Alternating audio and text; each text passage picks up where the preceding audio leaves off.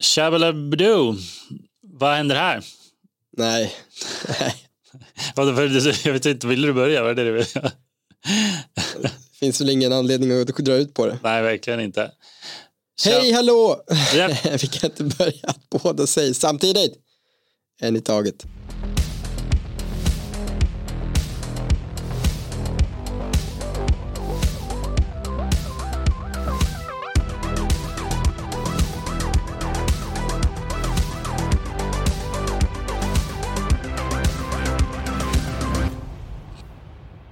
Tjabba tjena hallå va? Det är dags för en ny alldeles rykande färsk episod av På stacken. Och vi sitter bekvämt här i vår poddstudio på Östermalm. Jag säger vår poddstudio. Ja, det är det ju verkligen inte egentligen. Nej, så är det. Men Harry och Edvard är här. Det är vi. Vi har eh, mick, vi har ett glas vatten och vi har en lite luddig avsnittsidé. Så det här kommer ju gå sprillans. Ja, för att förtydliga så är väl egentligen alla våra avsnitt det är ganska luddiga. Eh, vet jag inte vad du pratar om. Nej, eh, nej men det, det är kul att vara igång igen. Eh, vi hade egentligen inte tänkt spela in någonting den här veckan för att det är mycket annat som händer. Men eh, Harrys schema klarnade upp och jag tänkte det är bra att smida medans, innan järnet blir kallt i det här fallet snarare än medans det är varmt. För varmt är det fan knappt. Men man måste liksom gör, göra saker. Eh, det växer, eh, det växer ju som bekant ingen mossa på rullande stenar så det gäller ju att hålla stenen i rullning. Det är så många, det är mycket inspirerande citat här. Ja visst, men det bjuder jag på. Eh, något annat jag, jag kan bjuda på är eh, ett eh, försök att eh, tacka alla som väljer att fortsätta lyssna på våran eh, podcast. Vi har haft någon slags konstigt litet sommaruppehåll nu som har varit oplanerat egentligen och som har fått, fått lappas med ett eh, avsnitt som vi spelade in i våras men som försvann i tekniskt strul och eh, klanterier Mm men som räddades upp snyggt då av eh, Marcus. Så för er som nyligen då har lyssnat på det så kallade avsnitt 24 som alltså släpptes eh, ganska nyligen så har, eh, har ni gjort det tack vare Marcus Östlund, våran audiofila vän. Exakt. Och han är ju då, som många vet, känd från att ha spelat in jingeln till Sveriges största Magic-podcast. Jag Den vet här. inte om vi är störst ärligt talat. Jag har börjat bli, bli wiser, alltså. det, det ser inte bra ut. Så därför måste vi fortsätta säga Sveriges eh, största Magic podcast på svenska, Ah, tror jag, för att hålla right, oss på det right. säkra. Men eh, under tiden som vi har haft vår podd har det bland annat startats en legacy-podd i Stockholm har jag lärt mig nu, Ah. ganska nyligen. I och med att Svenska Magic släppte sina årliga sådana här utmärkelser som de tydligen gör varje år som har flugit mig över huvudet någon gång. Mm. Jag passade på att läsa det för att se om vi hade vunnit någonting. Självgod som man är. Då var det någon annan jävla podcast i Stockholm som lyckades plocka fram den, eh, den vinsten. Och det förtjänar de säkert, det har jag inte så mycket att säga om. Men, men eh, så var det. Men det kändes ett, ett, Det, som ett, det kändes lite som ett hugg i ljumsken. Alltså framförallt är, ju, är jag ju besviken på våra lyssnare som inte har nominerat oss tillräckligt mycket till det här priset. Så nästa år så hoppas jag att ni visar lite jävla tacksamhet tillbaka och nominerar oss till det här helt meningslösa priset. Jag är inte arg, jag är besviken. Exakt så. Men, eh, men eh, vi är som sagt tacksamma för att ni lyssnar. Men vi är också förbannade för att ni inte nominerar oss till pris. Det är priser som vi inte ens vi- själva visste. Exakt. Ja. Ja, du, du var på väg att tacka våra... Nej men jag tänkte, det brukar vi göra i slutet av avsnittet men jag ville bara passa på att tacka Marcus. eh, Marcus för att han är en fin jävel alltså. Ja, det är han. Han är också känd för att ha skapat eh, den väldigt, väldigt viktiga spellistan Not So Guilty Pleasures. Just det. Och om den är offentlig så tycker jag alla borde försöka leta rätt på den och eh, njuta av några timmars eh, väldigt vacker musik på Spotify. Så är det. Den går varm ganska ofta, gör den. Ja, Mm. det, det, är ett, eh, det är en gåva till mänskligheten, Det är nog det. precis Ja. som Marcus.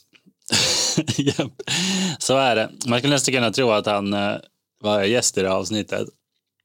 Tyvärr inte. Nej. Det skulle vara spännande. Istället för, vi har pratat lite om att göra ett avsnitt med en nybörjare, men det skulle vara kul att göra ett avsnitt med någon som är extremt avdankad från Magic och då skulle ju Marcus Ja, vara perfekt, ett jättebra perfekt. blast from the past. Exakt, Alltså, jag, spelade, ja, precis. jag spelade med honom när han var säkert 13 bast, alltså på Ugglan och draken. Ja, han är en OG, OG Visst. Magic-spelare. Japp.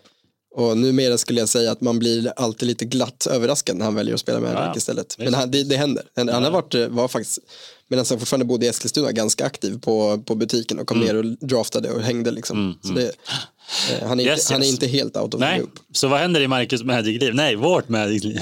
Ja. det ska ju vara ett otippat segment, ett helt avsnitt som handlar om Marcus där han inte är med. Jag hade, jag hade gärna testat. Det är inte det vi ska göra. Nej, men vad händer i våra Magic-liv? Jag kan, jag kan börja. Okej, Ja. Eh, ja, vad hände? Det var nyss Brelle, Dominaria United. Skoj. Vi kommer nämna lite det lite mer senare också, så jag behöver inte säga för mycket nu. Men eh, det var nice. Jag var på Spelis, lira, gick helt okej. Eh, på själva prällen. Jag var med på draft också. Gick, ah, du var med på två prällar. ja, det känns, En av dem gick inte jättebra. nej, men det kändes inte som en prälle. Jag var faktiskt inte bara för att det gick dåligt. Det var för att vi var, det var inte så många som... Ja, ja. Nej, eh, men det var nice. Annars, jag har byggt typ... Jo, men jag kan säga, jag vill säga, jag byggt klart min legacy-lek till slut. Månaröd Prison med Spice. Jag har eh, eh, påbörjat eh, lite olika IDH-projekt. Eh, både eh, grönblå Dragon Tribal, då är det en utveckling av min gamla band Dragon-lek. Och nu också även Worm Tribal tack vare eh, Dominaria United att vi fick en Worm Commander äntligen. Nice. Väldigt taggad. Den är monogrönt förstås. Riktigt bra. Mm. Eh, Men eh, annars inte så mycket. Spela lite Arena. Eh, Ska väl spela lite fler drafter på Arena har jag tänkt. Jag har inte kommit till skott. Och spela Ex- Explorer då och då. Jag byggde ihop en monoröd lek där också. Fires of Invention. Monoröd ramp med, vad heter den, Wildfire, den som ett land och tutar. Ja. Så man kör den på sin egen indestructible länder och rampar.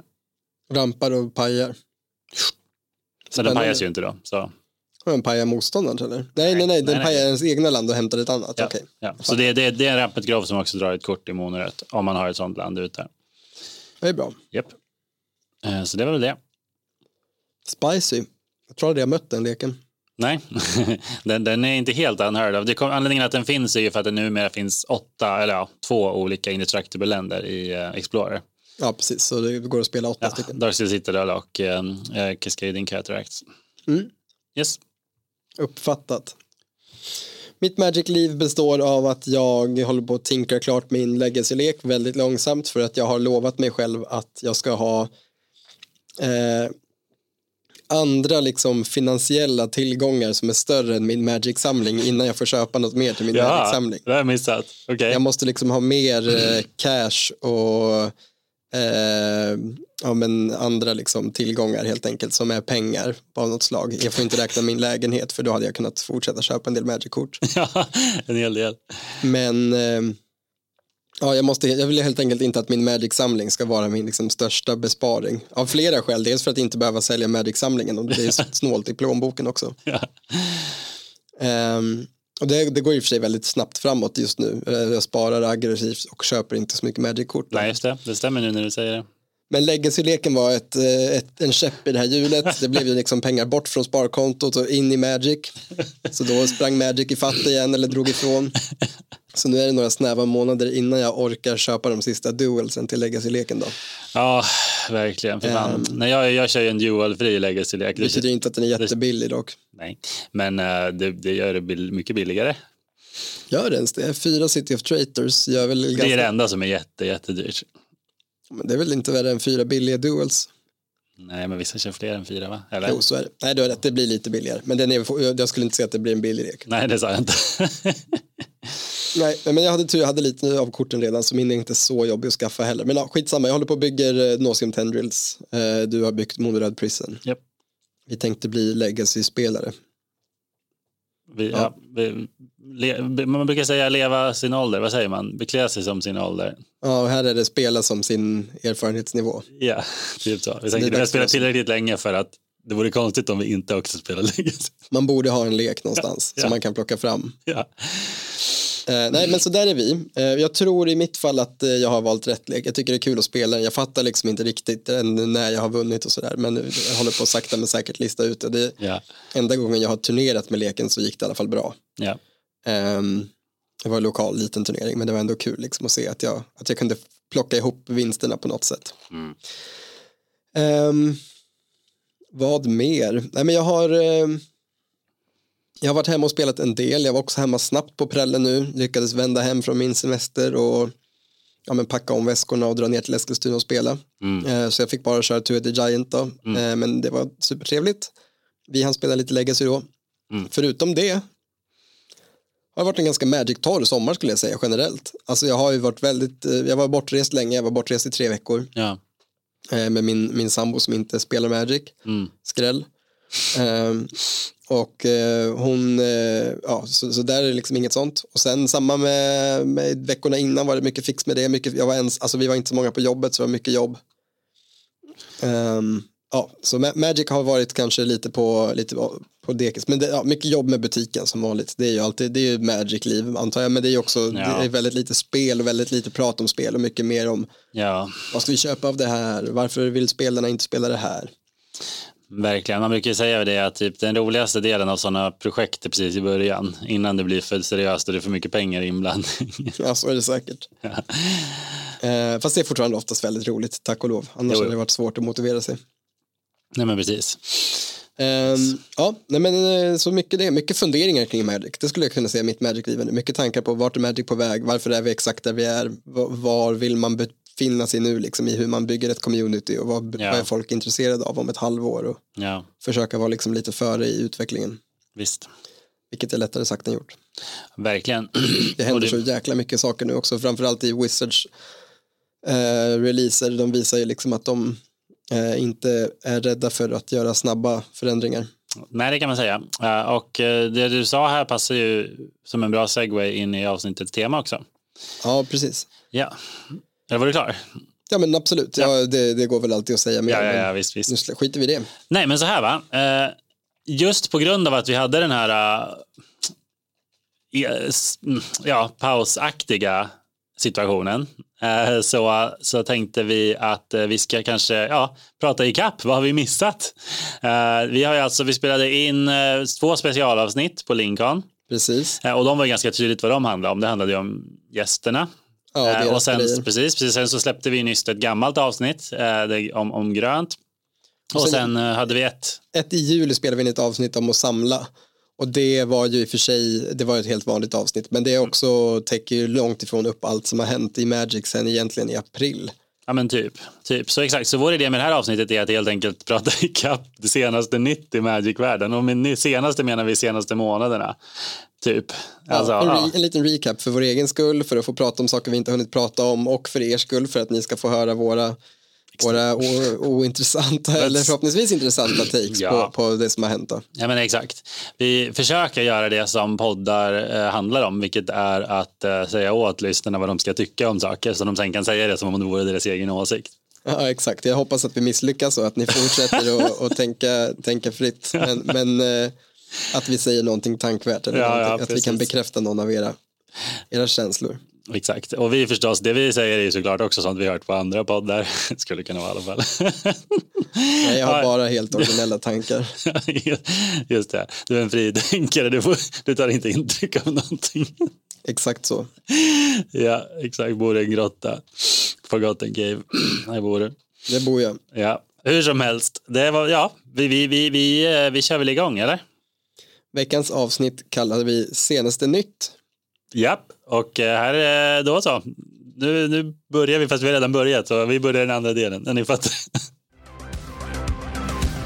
Det som har, har varit, eh, dels skulle jag säga, alltså, det, det känns bold att säga sådana här saker, man har fan alltid fel, men jag skulle gissa att de här eh, senaste månaderna, för vi börjar, kommer ta avstamp inte i New Capenna liksom, utan i, för det har jag för mig att vi har hunnit prata lite om, utan Ja. vi tänkte att vi skulle istället börja vid Baldur's Gate, för det vi känner i alla fall Hallice är säker på att vi inte har pratat jättemycket om, jag, jag tror att det stämmer.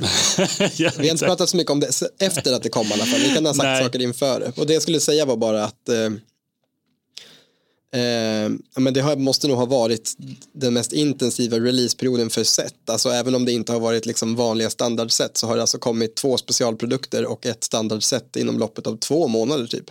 Ja, jo, ja, jo, det kan man Alltså säga. typ Baldur's Gate kommer i början av juli, Och nu är det början av i september. augusti kommer Double Masters, i början av september kommer, kommer eh, Dominaria United. Någonting sånt är det. Och det är alltså, ja, det är väldigt mycket pax som har, eh, har tryckts upp helt plötsligt. Japp. Väldigt mycket kort som har releasats och re-releasats. Visst är det så. Så vi tänkte att vi, vi börjar den här, den här delen av avsnittet med att prata om de sätt som vi inte hunnit prata om helt enkelt. Eh, Och eh, i kronologisk ordning så blir det då först, eh, som sagt vi hoppar New Penny, jag minns inte om vi har, jag minns verkligen inte hur mycket vi sagt om det, men man kan väl säga Ledger, Ledger Shredder var bra. Eh, folk gillade det inte lika mycket som Kamigawa och det kommer säkert bli, kanske bli ihågkommet som underskattat, jag tror det, för det var också coolt. Men ja, ja, nu var det Baldur, alltså då Commander, Legends, Dungeons and Dragons Battle for Baldur's Gate, eller vad heter det? Rullar av tungan. ja, Det stämmer nog bra. Ja men precis, det andra besöket i Dungeons and Dragons-världen som alltså är Wizards of the Coasts eh, andra stora varumärke kan man väl säga också. De gör flera saker men de två sakerna de gör som är liksom big big är ju Dungeons and Dragons som är världens största rollspel och eh, Magic the Gathering som är världens största samlarkortspel.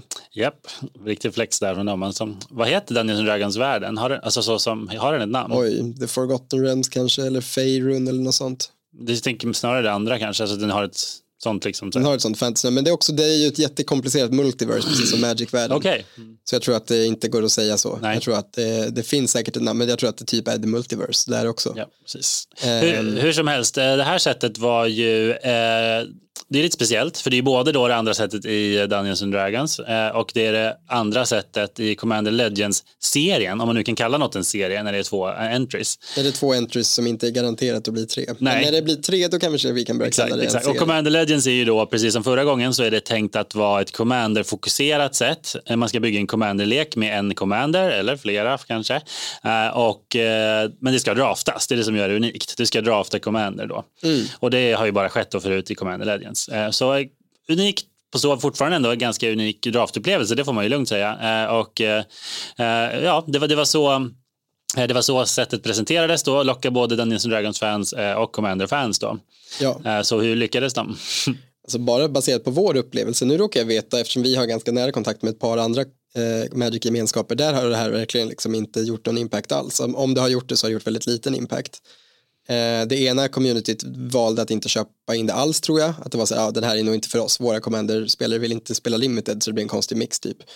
Och det andra communityt har jag i alla fall inte hört att det skulle varit någon större succé. Nej. Eller om man också liksom var försiktiga med det och kanske knappt köpte in det alls. Eh, från vår upplevelse kan jag säga att vi har haft väldigt många drafter. Så den biten kändes verkligen lyckad också, både för mig som spelare, alltså att vi har haft väldigt kul när jag spelat och det verkat på andra som att det har varit en rolig draftupplevelse. Mm. Eh, men att eh, ur butikens perspektiv med de silprodukterna som var har sålt väldigt svalt jämfört med många andra sätt. Ja, Ehm, alltså, alltså att det fick en väldigt sval reception av det internationella Magic-communityt när det kommer till ja, kortens eh, eh, dragningskraft. ja visst. och om man tittar liksom på prisutvecklingen för många kort så finns det i och för sig kort som håller ett högt värde för att folk vill ha dem och för att det rippas relativt lite. Men inte så högt att någon ställer sig och köper de något överprisade boostrarna, typ så. Nej, men exakt. Alltså, det skulle ju, jag tror ingen vågar kalla det här en succé. Eh, och då kan jag direkt säga att jag återigen tycker att rent liksom designmässigt ur ett bara gameplay-perspektiv så tycker jag att det verkar, eller det är toppen. Jag har kört kanske tre drafter då, eller tre matcher blir det då. Och jag tyckte också det var jättekul. Jag tyckte det var bra liksom power level, det var väl designat, jag tyckte backgrounds var roliga, jag tyckte det initiativ var roligt. Väldigt liksom originellt, de visar gång på gång att de har fler idéer, alltså så här häftiga idéer. Eh, det kändes, jag vet inte så mycket om Dungeons and Dragons, så här får du gärna ta över, men jag tyckte liksom det var en cool flavor-grej det här med att man väljer en background till sin karaktär, alltså till sin commander. Eller hur? För det gör man väl i... ehm, Men det är i roligt för det syns i båda Dungeons and Dragons-sätten hur de verkligen försöker ta vara på det som gör just Dungeons and Dragons unikt, eller vad man ska kalla det, det som gör Dungeons and Dragons nice. Eh, alltså de har tagit liksom spelmekaniker och på lite ja, roliga sätt översatt det till Magic. Det är klart att det inte blir liksom snarlikt på så, men man fattar liksom hinten om man har spelat båda spelen mycket.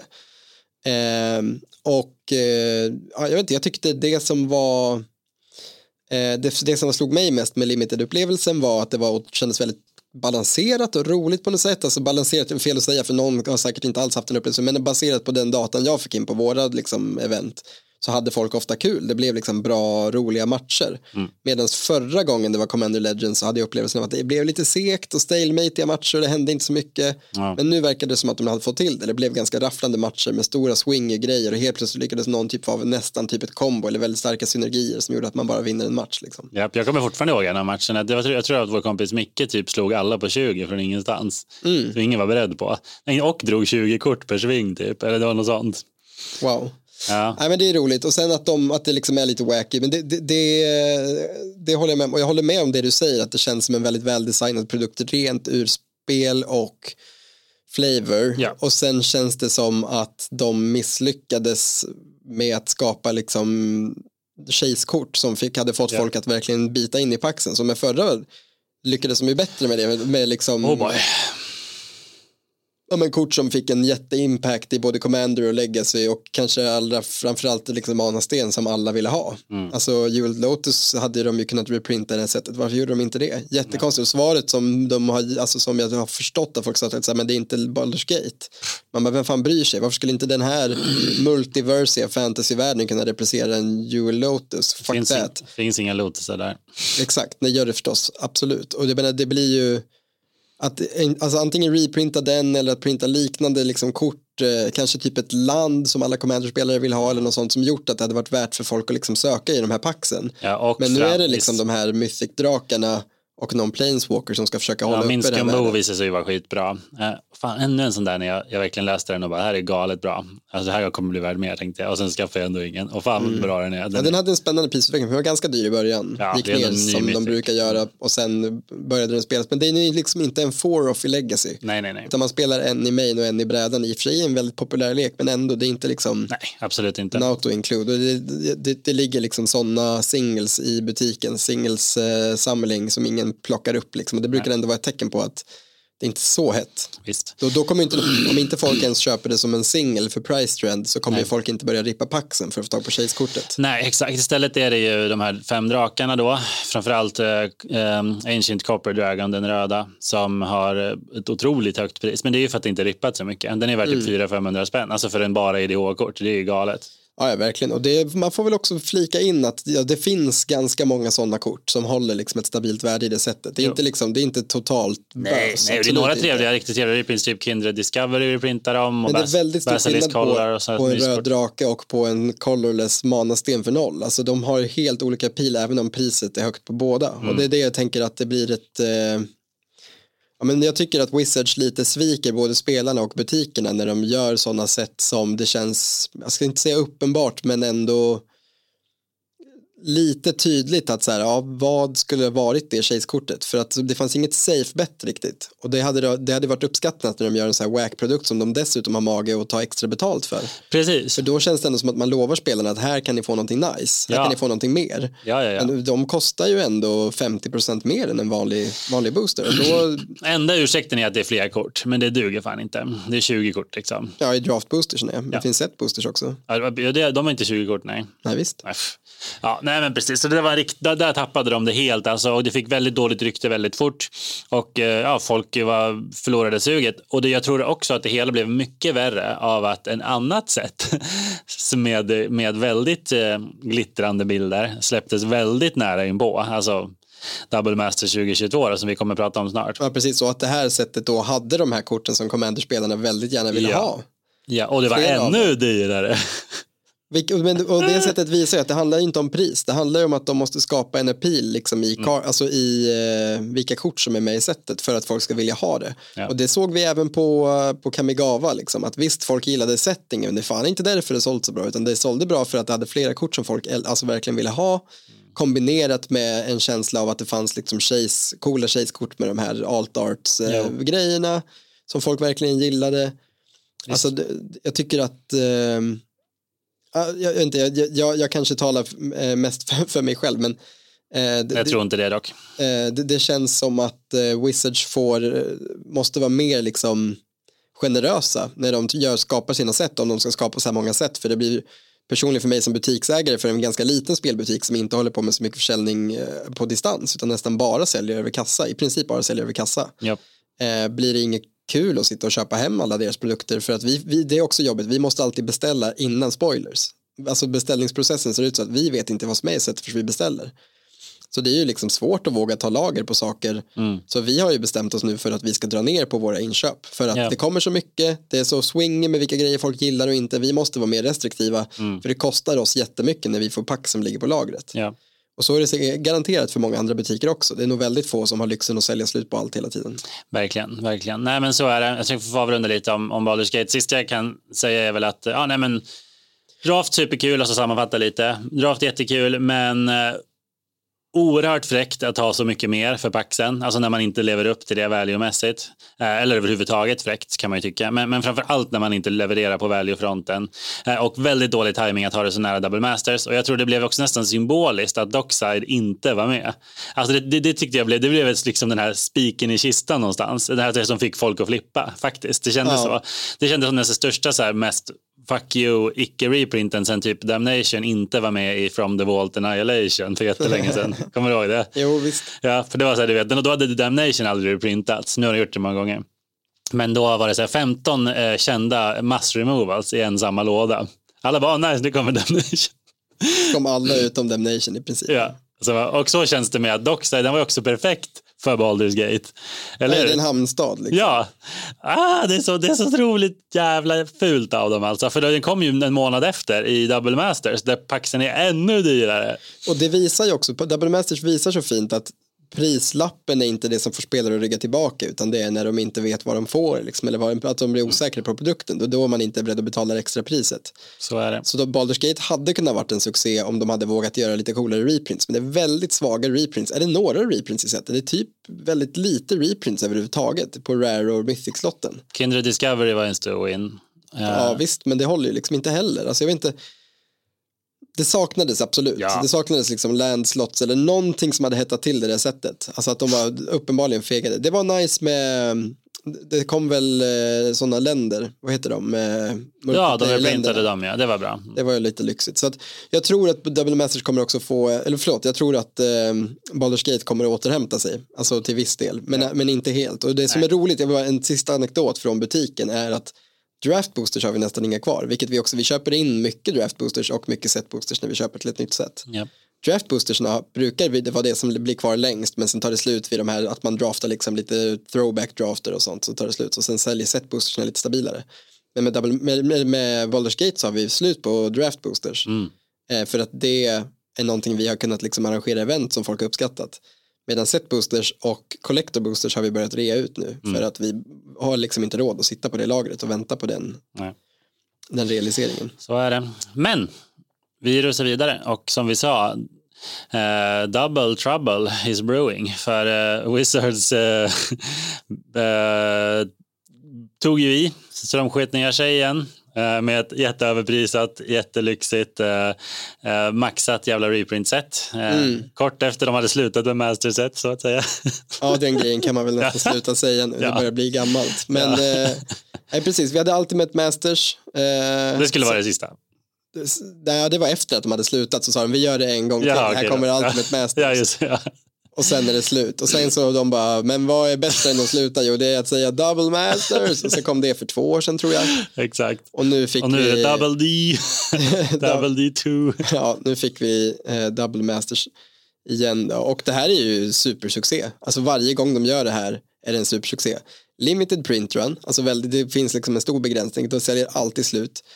Eh, och av, alltså fan, trots de skyhöga priserna så bara köper folk loss det här. Det var, vad blev så va? Ja, i vårt fall var det slut på en vecka liksom. Okej, shit. Och då köpte vi allt vi kunde få. Ja, det, är, det är hysteriskt. Sen har vi, visst, vi tar väl, har väl schyssta priser. Vi hade kanske kunnat höja priserna lite. Vi, det är lite sämre marginal för oss på det än på andra produkter för att det är så jävla dyrt. Så det går liksom inte att hålla samma marginaler. Nej. Eh, men då kanske vi kunde ha liksom sålt ut över längre tid. Men, men ändå, det är ju liksom, det spelar ingen roll att boostrarna kostar flera hundra kronor. Det spelar ingen roll att collector boosters kostar 900, 800 För en styck booster, ja. för en booster och en display för tre lax. Och det var, just det, display. Display med fyra boosters. Ja. Exakt, exakt. Spelar ingen roll. Det, det är bara säljer slut. Det spelar tydligen heller ingen roll att eh, det är ju såklart som alltid eh, fullproppat av crap rares också. Alltså vissa av dem trodde nästan att det var en post på Magic the Circle jerking. Jag bara, de kan inte printa den här på rare i det här sättet. Det är så jävla jank.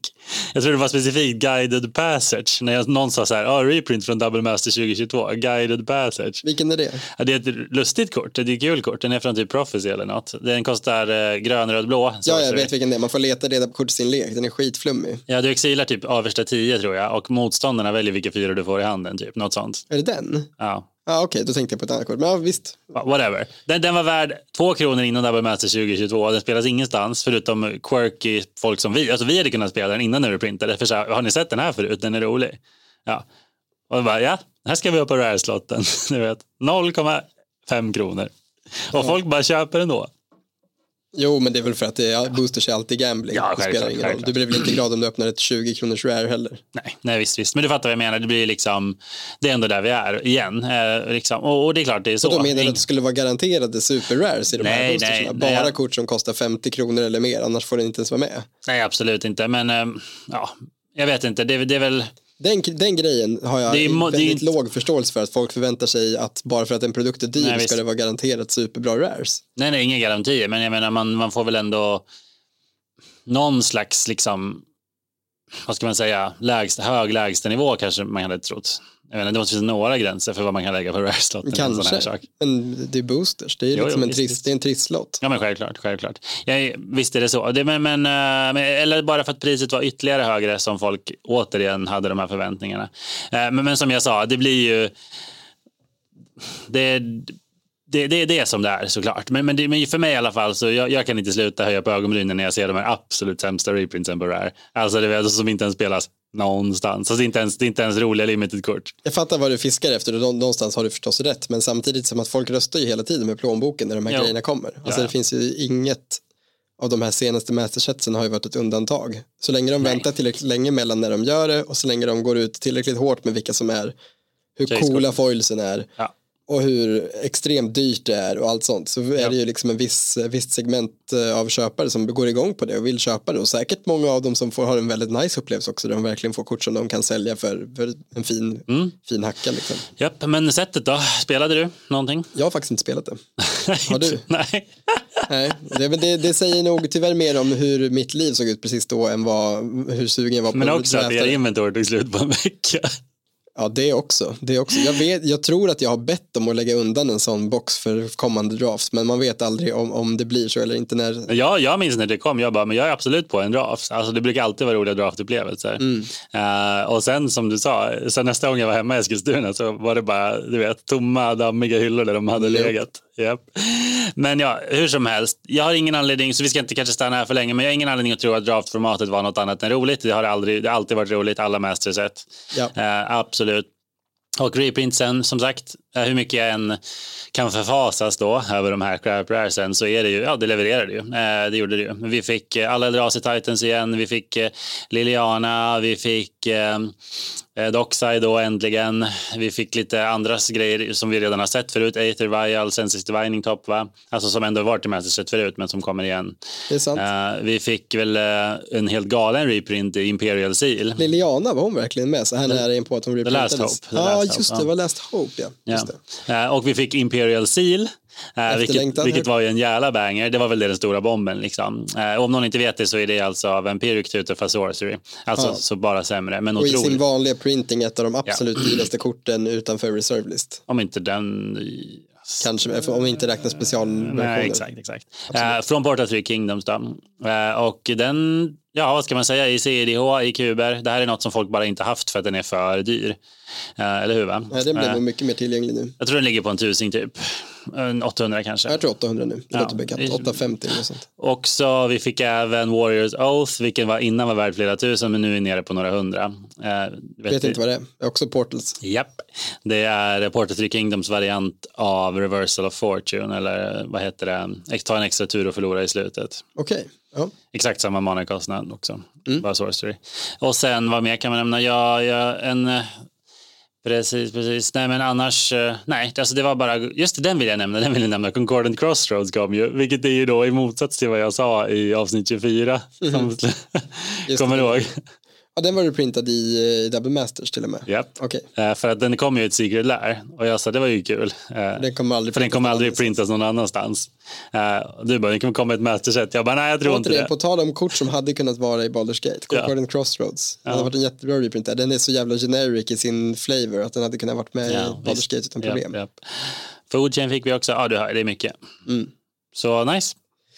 Alltså som sagt, det är ju underbart att de väljer att reprinta massa kort och att de sätter en hög prislapp på det är skamligt men eh, som sagt, så länge folk fortsätter köpa så tänker jag inte ens orka klaga på det för att det är så här, ja, då kommer de ju fortsätta så då, jag orkar inte klaga på något som inte kommer förändras. Det är Nej. inget, alltså, jag kan klaga hur mycket jag vill men om, om paxen går åt då är det Ja. Det finns inget, det finns inget som ens påminner om det här i, vår, alltså i, i Magic-väg, i hur fort det går åt i butiken. Nej, det är galet. Vi får, vi, vi, fick, vi får liksom meddelanden, vi, vi fick meddelanden på vår Messenger alltså fyra veckor efter release fortfarande, bara, hej har ni något kvar av det här från folk som aldrig har skrivit till oss förut, Wow. som bara letar liksom efter, efter Ja. butiker som har det kvar. De vill suga i sig. De vill ha sin fix. Det är det absolut finaste cocaine. Eller det absolut finaste, vad heter Cardboard det? cracket. Ja, meth, jag tänker där Breaking Bad pratar de ju mycket om så här, hur pure den är. Blue crystal, Exakt. blue crystal card. Japp, så är det. Oh my god, it's 99.99% pure. Exakt. Nej men exakt. Det som är, det som är sjukt är ju att, eh, att ett sånt här sätt eh, inte draftas mer. Att det rippas så jävla mycket. Det Ja. kan väl vara, om jag får säga min egen take på det då. Är det ju, finns det liksom, jag fäller en tår för alla displayer som har rippats eh, odraftade. Också draft display då. Ja, ja, jo absolut. Så, och så är det ju med alla sätt. Så är det med Modern Horizons också. Eh, people just don't eh, draft anymore. På det sättet att man köper en låda och draftar med sina kompisar istället för att rippa. Utan då går man till en butik och draftar tydligen. Vilket jag uppskattar, men jag tänker why not both? Ja, verkligen. Min, verkligen. min, min kusin eh, halade förra veckan upp en eh, Modern Horizons 2, dis, o- obruten Modern Horizons 2 display på bordet sa, ska vi, du var ju med, Just det. frågade om vi skulle bara köra en spontan draft med den, alltså Phantom draften, liksom, att han behåller korten, men att vi bara draftade, det lät kul men vi hade väl inte riktigt tid tror jag. Nej, det, det, jag hann inte med tåget då. Det hade behövt planeras in liksom, men det hade varit Ja. skittrevligt. Så, så det, det är så jag önskar att man gjorde. Eh, Ja. Med draft boosters Ja. och att man rippade set boosters istället om man ska rippa. Men, men, men eh, skitsamma, det fanns ingen set boosters till, eh, eh, till double masters. Nej, just det. Så är det. Ja, men, men det, det, det spårade i alla fall, det kan man ju lugnt säga. Och det, Japp. det lär det göra nästa gång gör det här också. Ja, För att ja, en sån här, ja. alltså, Och korten som gick ner i pris, för det gjorde de ju såklart, har redan börjat ticka upp lite igen. Det var en väldigt kort bottom vet jag. Mm. Smothering Tide till exempel blev egentligen reprintad. Och i mera så kanske ett kort som kunde ha fått vara i commander-sättet istället Ja, för i den ja. random reprint-sättet. Ja, ja. aj, aj, alltså. Ja, beating a dead horse där, men så är det. Det blir så pinsamt tydligt när man pratar om dem på efter varandra. Ja. Ja, I alla fall, Smothering Tide, jag tror den var nere på typ 120-130 som lägst. Så nu är den tillbaka på typ 190 redan. Och innan reprinten var det typ 280 kanske? 290 minst det? Ja. Ingen aning. whatever. Men ja, ja, whatever. Som sagt, vi får väl gå vidare helt enkelt eh, till det eh, enda av de här tre sätten vi ska prata om nu som är en hel jävla normal Magic-expansion. Exakt, eh, och vi ska prata om Dominaria United. Ja, exakt, alltså dels eh, mitt första intryck är, eh, för nu det här är ju väldigt nytt, här går det ju inte Japp. att vara så där efterklok som vi kommer kunna vara om några veckor när man kan säga vad, hur det här var och var, varför Mm. det här var fel eller bra eller sådär, det vet vi inte riktigt än, för det har precis varit prälle i fredags och nu är vi på väg in i någon slags releasehelg. Mhm. Eh, det, första saken som jag tycker är värd att nämna är att det här är ju Wizards liksom inledning av deras 30-årskalas. Ja, Någonting, eh, någonting du delar med Wizards är ju att ni gemensamt har börjat fira 30-årsdagen. Du ska fira på lördag. Wizards firade nu i fredags då, eller började sitt firande. mm. Men de tänker fira i flera år då. Är väl planen hela, fram till, hela fram till 2023. ja. Och eh, ja, jag, jag vet inte, min, mitt först, de ändrade ju bland annat och lät butiker, alltså VPN-butiker sälja alla produkter direkt från release den här gången. Det brukar ju vara att man bara får sälja displayer och för länge sedan fick man bara sälja prellepacks. Mm. Eh, men nu fick vi liksom sälja lösboosters och vi fick sälja commander-lekar och alltihopa från start. Japp. Eh, lite spännande test från dem kanske för att se hur det påverkar, om det är något de borde börja göra oftare. Japp. Ehm, en annan spännande sak med det här sättet är ju att det är smullfrock... Prock, ehm, Jag slutade, slutade prata svenska. Att det är eh, smällproppat med Var det norska där eller? smullproffet. det är smullproffet med eh, referenser. Såklart. Vilket vi uppskattar. Men det är inte såklart, inte alla sätt som är så här smullproffade. Nej men Dominaria, det tänkte jag. Jo, jo, jo, det är gjutet. Men det det om du jämför det med förra Dominaria så är det här tusen gånger mer smullproffet också. Jo, det De har ju nog. gått loss med proffendet. Mm. Förlåt, med proppandet. Ja, många proppar. Eh, men nej, exakt så är det absolut. Nej, men vad, vad ska man säga? Det är, eh, det är nostalgifest eh, i, i full gång. Eh, men det är också ett, eh, ett helt nytt Magic-set som även kommer vara Ja, de har inte riktigt block på det sättet längre. Men, eh, men det, Början på en ny story arc Ja, kan man exakt. säga. En story arc ska de göra eh, som är rätt fet, alltså, eller väldigt fet. Det blir fem, vi kommer komma mer till det sen, men det kommer bli typ fem set som alla går in i varandra storymässigt. Ja. Eh, och det är ju att våra vänner på Dominaria blir återigen eh, bryskt påhoppade av Phyrexia. Va? Ja, det har hänt förut kan Ja, man säga. det har hänt förut. Eh, och eh, så som många klassiska filmskurkar så kommer de tillbaka till uppföljarna när man trodde de var besegrade. Men det får man väl ändå säga om Phyrexia, de har ju aldrig blivit besegrade. De har väl alltid bara blivit bortschasade från Dominaria. Visst, och sist de var med ordentligt, alltså verkligen ordentligt, då, var de ju, så då vann de ju till och med. Tok vann de på eh, Mirrodin. Ja, och Mirrodin blev New Phyrexia. Alltså Mirrodin finns ju inte längre. Eh, och eh, en av de kommande sätten är ju, han heter ju så till och med. Alltså det är ju eh, Phyrexia, All will be one. typ. Så, Ja. Hur som helst. Men nu, Dominaria United, exakt. Så vi har, vad har vi framför oss? Jo, vi har ett set med många klassiska karaktärer. Det är eh, väldigt multicolor tätt. Och det är väl, man kan, eh, de uppmuntrar till splashing, trefärgat eller mer, genom common-länder. Som, eh, det är de första nu får vi eh, alla länder, alla färgkombinationer som common duels med land types. Ja. Det gjordes förut med snöländer, men nu då utan snö. Ja. Eh, japp, så där har vi det och därför kan man också splasha mycket i limited. Sen så är det också otroligt legendtätt. Eh, så ett tema eh, flavormässigt då, men också gameplaymässigt är ju legender. Histori alltså historic spells inte tillbaks, eh, så som det var i första Dominaria. Men Legendary Matters, absolut, och också sagor är tillbaks eh, med en ny Ja. twist. Eh, så mycket som känns igen, mycket nytt. Jag har ju kört då en prelle, en, och en vanlig prelle, en Tour Giant-prelle, någon draft online och sen en draft på spelis också. Så kanske lite mer än du, eller? Jumpstart har vi kört också. Just det, just det men det, ja, det sa inte så mycket om limited eh, Nej, absolut inte. Men, det stämmer. men det, ja. vi, har, vi har ändå doppat tårna i det mesta. ja, men faktiskt. Du, faktiskt. framförallt du. Jo, jo men vad, min första tanke gameplaymässigt om vi ska ta det där när jag ändå var igång är ju att eh, det verkar återigen väldigt kul, väldigt synergimässigt, inte alls lika bombigt som några av de senaste sätten. Tänker väl framför allt på Crimson Wow, men, men också, jag kände inte att bomberna Men en avgjorde. del väldigt starka uncommons till exempel som balanserar ut det lite. Ja, men bland annat det, men också väldigt starka commons.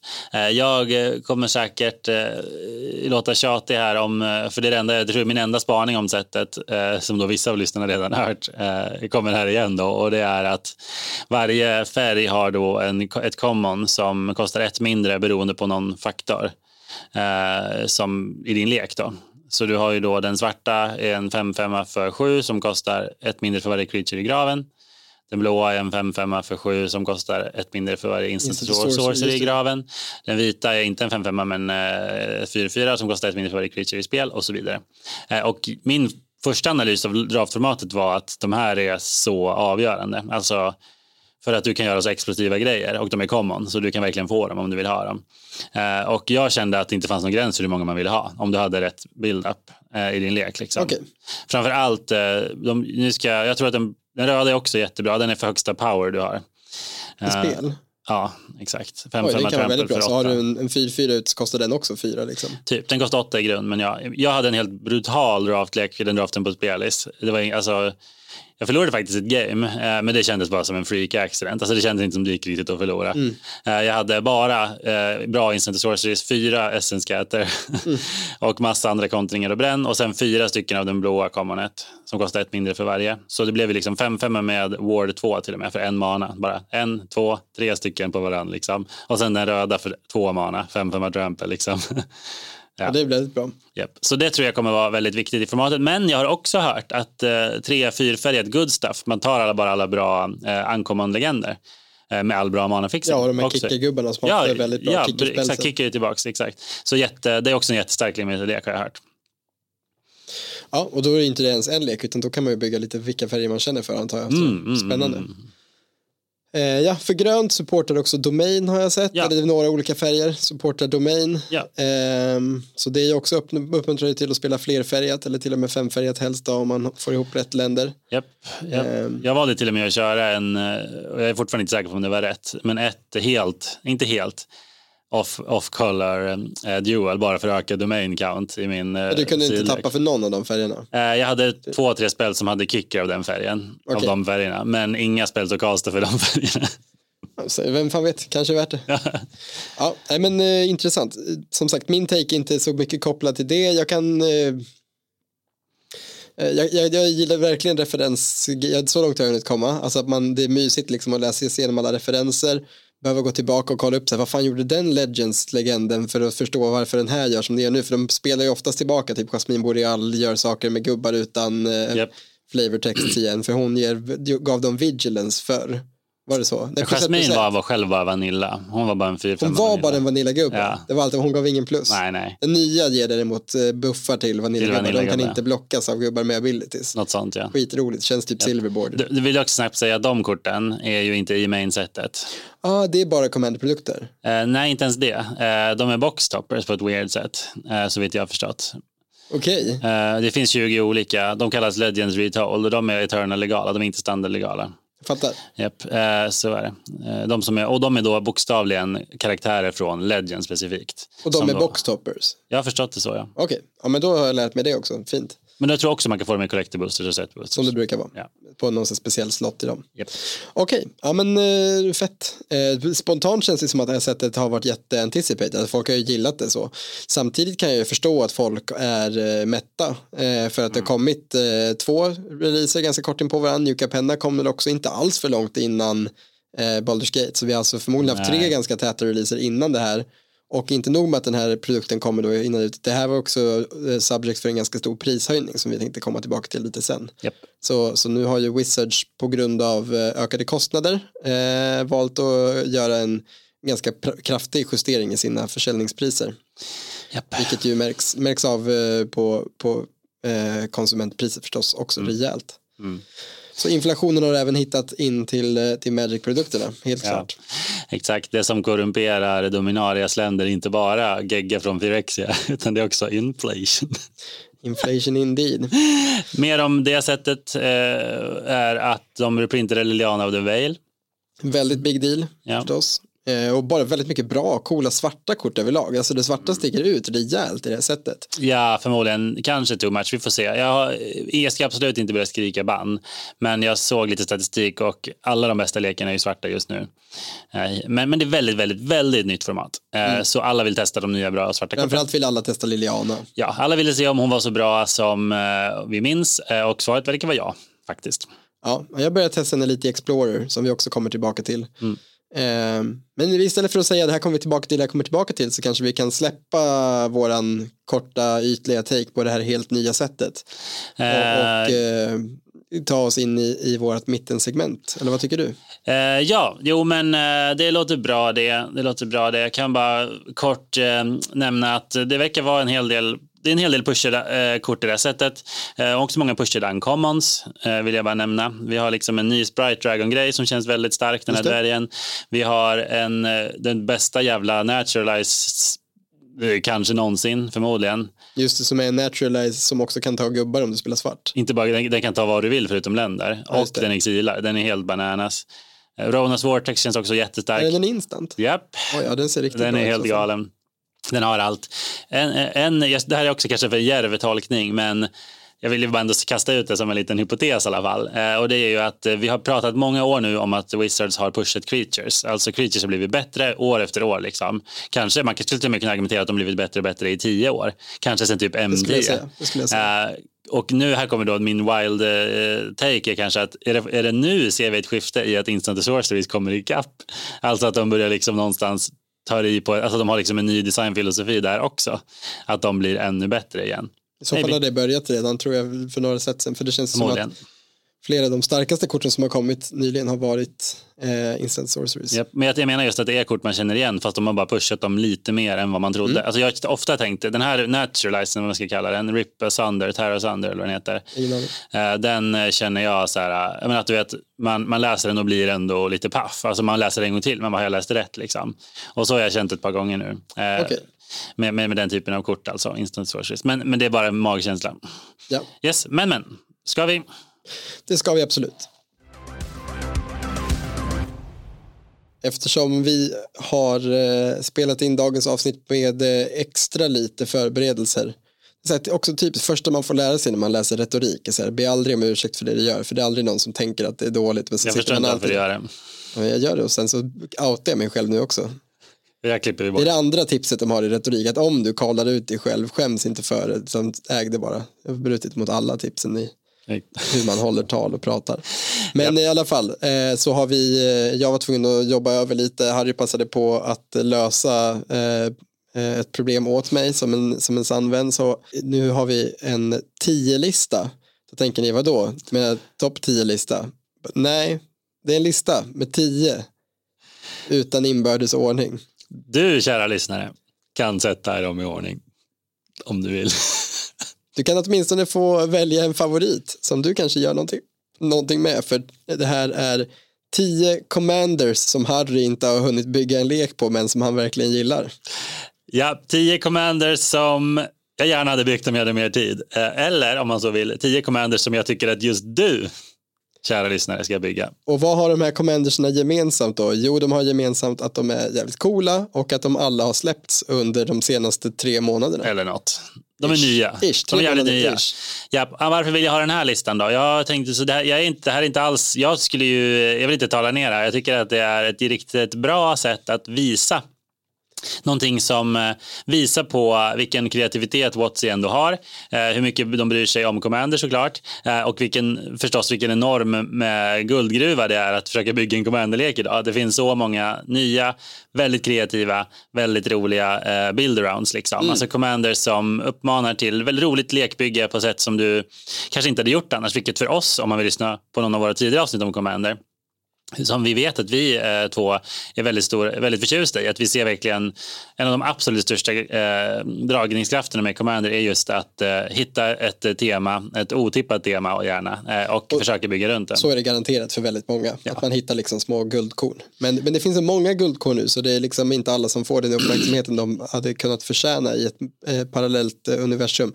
Dessutom vill jag bara flika in att jag tycker absolut inte att det här är en, en dålig lista. Det bara är min, min eh, OCD som gör lite ont för att det inte är en topplista eh, utan att det bara är tio utan rankning. Men jag hade aldrig orkat ranka de här för vad ska vi ranka dem baserat på? Typ Nej. vilken som är bäst eller har me- mest eh, build around vänlighet. Men det, det skiter vi i. Nu bara kör vi istället. Yes, så den första av tio är en näbbprydd brorsa från Capenna. Och det är en av de fem Mythic-demonerna, de här eh, familjeledarna, maffiabossarna kan man säga.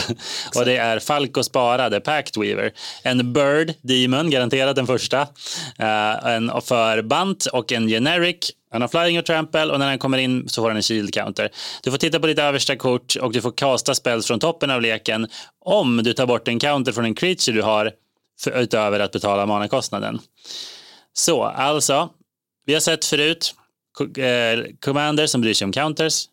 Vi har tidigare sett commanders som låter dig spela kort från toppen, eller hur? Alltså någon med instant sorceries, någon med creatures. Det är två ganska basic teman i Magic. Men tillsammans så tycker jag det blir riktigt intressant. För att eh, här har vi en counter build around som inte handlar om att göra världens största legomonster. Som det ofta gör. Många counterlekar är ju liksom, jag spelar min primordial hydra av något slag eller någon slags hydra. Dubblar den, dubblar den igen, dubblar den igen. Eller dubbla på alla, du har doubling season och sådär. Eller planeswalker som man proliferatar. Ja, exakt, eller... exakt. Men här har vi något Charge annat. Här har vi en lek som erbjuder card advantage nästan bara. Eh, Det spelar ingen roll vilken counter det är, vilket också uppmuntrar till eh, att använda många av de här nya andra runda countertyperna. Du kan till och med få in saker som kommer in med minus-counters, ta bort dem. Du kan använda lustiga gamla kort som gör jättemycket counters men som inte gör så mycket nytta. Typ den här som du ska få 100 counters på så vinner du spelet. Vad heter Ja, den? Eh, Ja, Helix Pinnacle. Det blir ju coolt tillsammans med den här. Det är Ja, det. massa counters på den. Eller? Nej, du tyvärr måste vara på Creatures, förlåt. Ja, okej. Ja, synd. Men däremot, du är inne på något. Man kan spela kort som kommer in med mycket counter, som till exempel Rasputin Dreamweaver. Hej, blir inte det här också sjukt med Devoted Druid som du kan lägga minus counters på hur mycket Jo, du vill? jo. Det är bara att spela hur många Japp. kort du vill från toppen. Japp, Ja, coolt. yes. Det är också värt att nota att det här är ett, en av de mindre av de här fem demonerna som släpptes skulle jag säga att det här är en av de som har fått minst uppmärksamhet i allmänhet också. Alltså både Sander som är den eh, grixisfärgade och eh, eh, den eh, blåvit-svarta som jag glömt bort vad det. Jag både glömt bort vad Obscura eh, Ja. ledaren. Ja, visst. De har ju gjort, Raffin var det. Mm. ja, precis, de har gjort impact i, i Constructed. Japp. Och Eh, Jetmir börjar se lite spel det också. Ja, den, den är också riktigt Och den är pushad. push spel Commander också. Det är bara en go wide token-lek. Ja, skitbra Naya, Naya Commander. Eh, så, så det enda, det är den här och den, eh, vad heter det, draken då som kanske inte fått supermycket uppmärksamhet. Men den här ser ju riktigt cool ut. Yes, nästa. Eh, kobold för rakning i det här fallet. Ja, Eh, det är Roga Ker Keep Overlord. Vi har en 4-4 för 5 Raktas. Härifrån, när jag sitter en bit bort från skärmen, såg det ut som att gubben hette, hette. Men det heter den inte, förlåt. Den, det finns ju dock också en ny commander som heter Ragga Dragga, så man vet ju aldrig nu för tiden. Hur som helst, det här är en legendarisk Kobold Warrior. Den ser andra Kobold plus 2 plus 2, inte illa. Den säger att när du kastar en Kobold spel så kan du betala 2 generic, då får du en 4-4 drake. Att nämna många Kobolds kostar 0, så att det blir inte så dyrt. Eh, och när du kastar en Dragon så får du en 0-1 Kobold som heter Kobolds of Care Keep. Mm. Så vad har du, du som eh, inte varit med kanske riktigt lika länge som kobolderna, men nästan. Ja, det, det, det är ju som du var inne på när du sa, jag, Harry lämnade över en lista med typ 20 kort på till mig och sa det ska vara 10 kvar, Ja. det här är för mycket. Och så sa jag, ja det här är alldeles för mycket Harry. Så sa han, nu när jag höll på att rensa, sa han, men jag måste få nämna att massa creature types har fått nya generaler. Titta, här får du din chans. Ja, nej, men du har helt rätt. Eh, en, eh, jag tycker att det är... Alltså Watsy släpper så mycket kort så att jag blir åksjuk. Ja, så är det. Eh, jag har pratat förut om nackdelen med det, alltså att man inte hinner uppskatta dem. Men eh, däremot så får man ge dem att många av korten de släpper är ju, och därför den här listan är som den är, är ju superroliga. Och en av många roliga saker de gör är att ge eh, commanders och support till ouppskattade tribes. Och jag och i vår playgroup har ju byggt Yankee tribe-lekar sedan urminnes tider. Ja, ja, ja. Eh, Vilket gör att det här är både kul och inte kul. För att dels är det ju, har det ju varit, nu är så att det bara är kul för det är ingen av oss som bygger de sämsta tribe-lekarna riktigt länge. Det är väldigt ovanligt. Eh, Men, men det här gör det ju mer viable. Så man skulle kunna, det finns en del av en som tycker att det är kul att det är så jävla jank. Mm. Men, men det är också roligt för att tribesen i sig är ju så jank att de behöver en riktigt pushad commander för att det ska gå och spela leken i en normal match. Exakt, jag tänker bygga monogröna worms. Jag kan säga det, det är många vanilla eh, tjockisar. Utan... 6-4 för 6. Japp, så är det.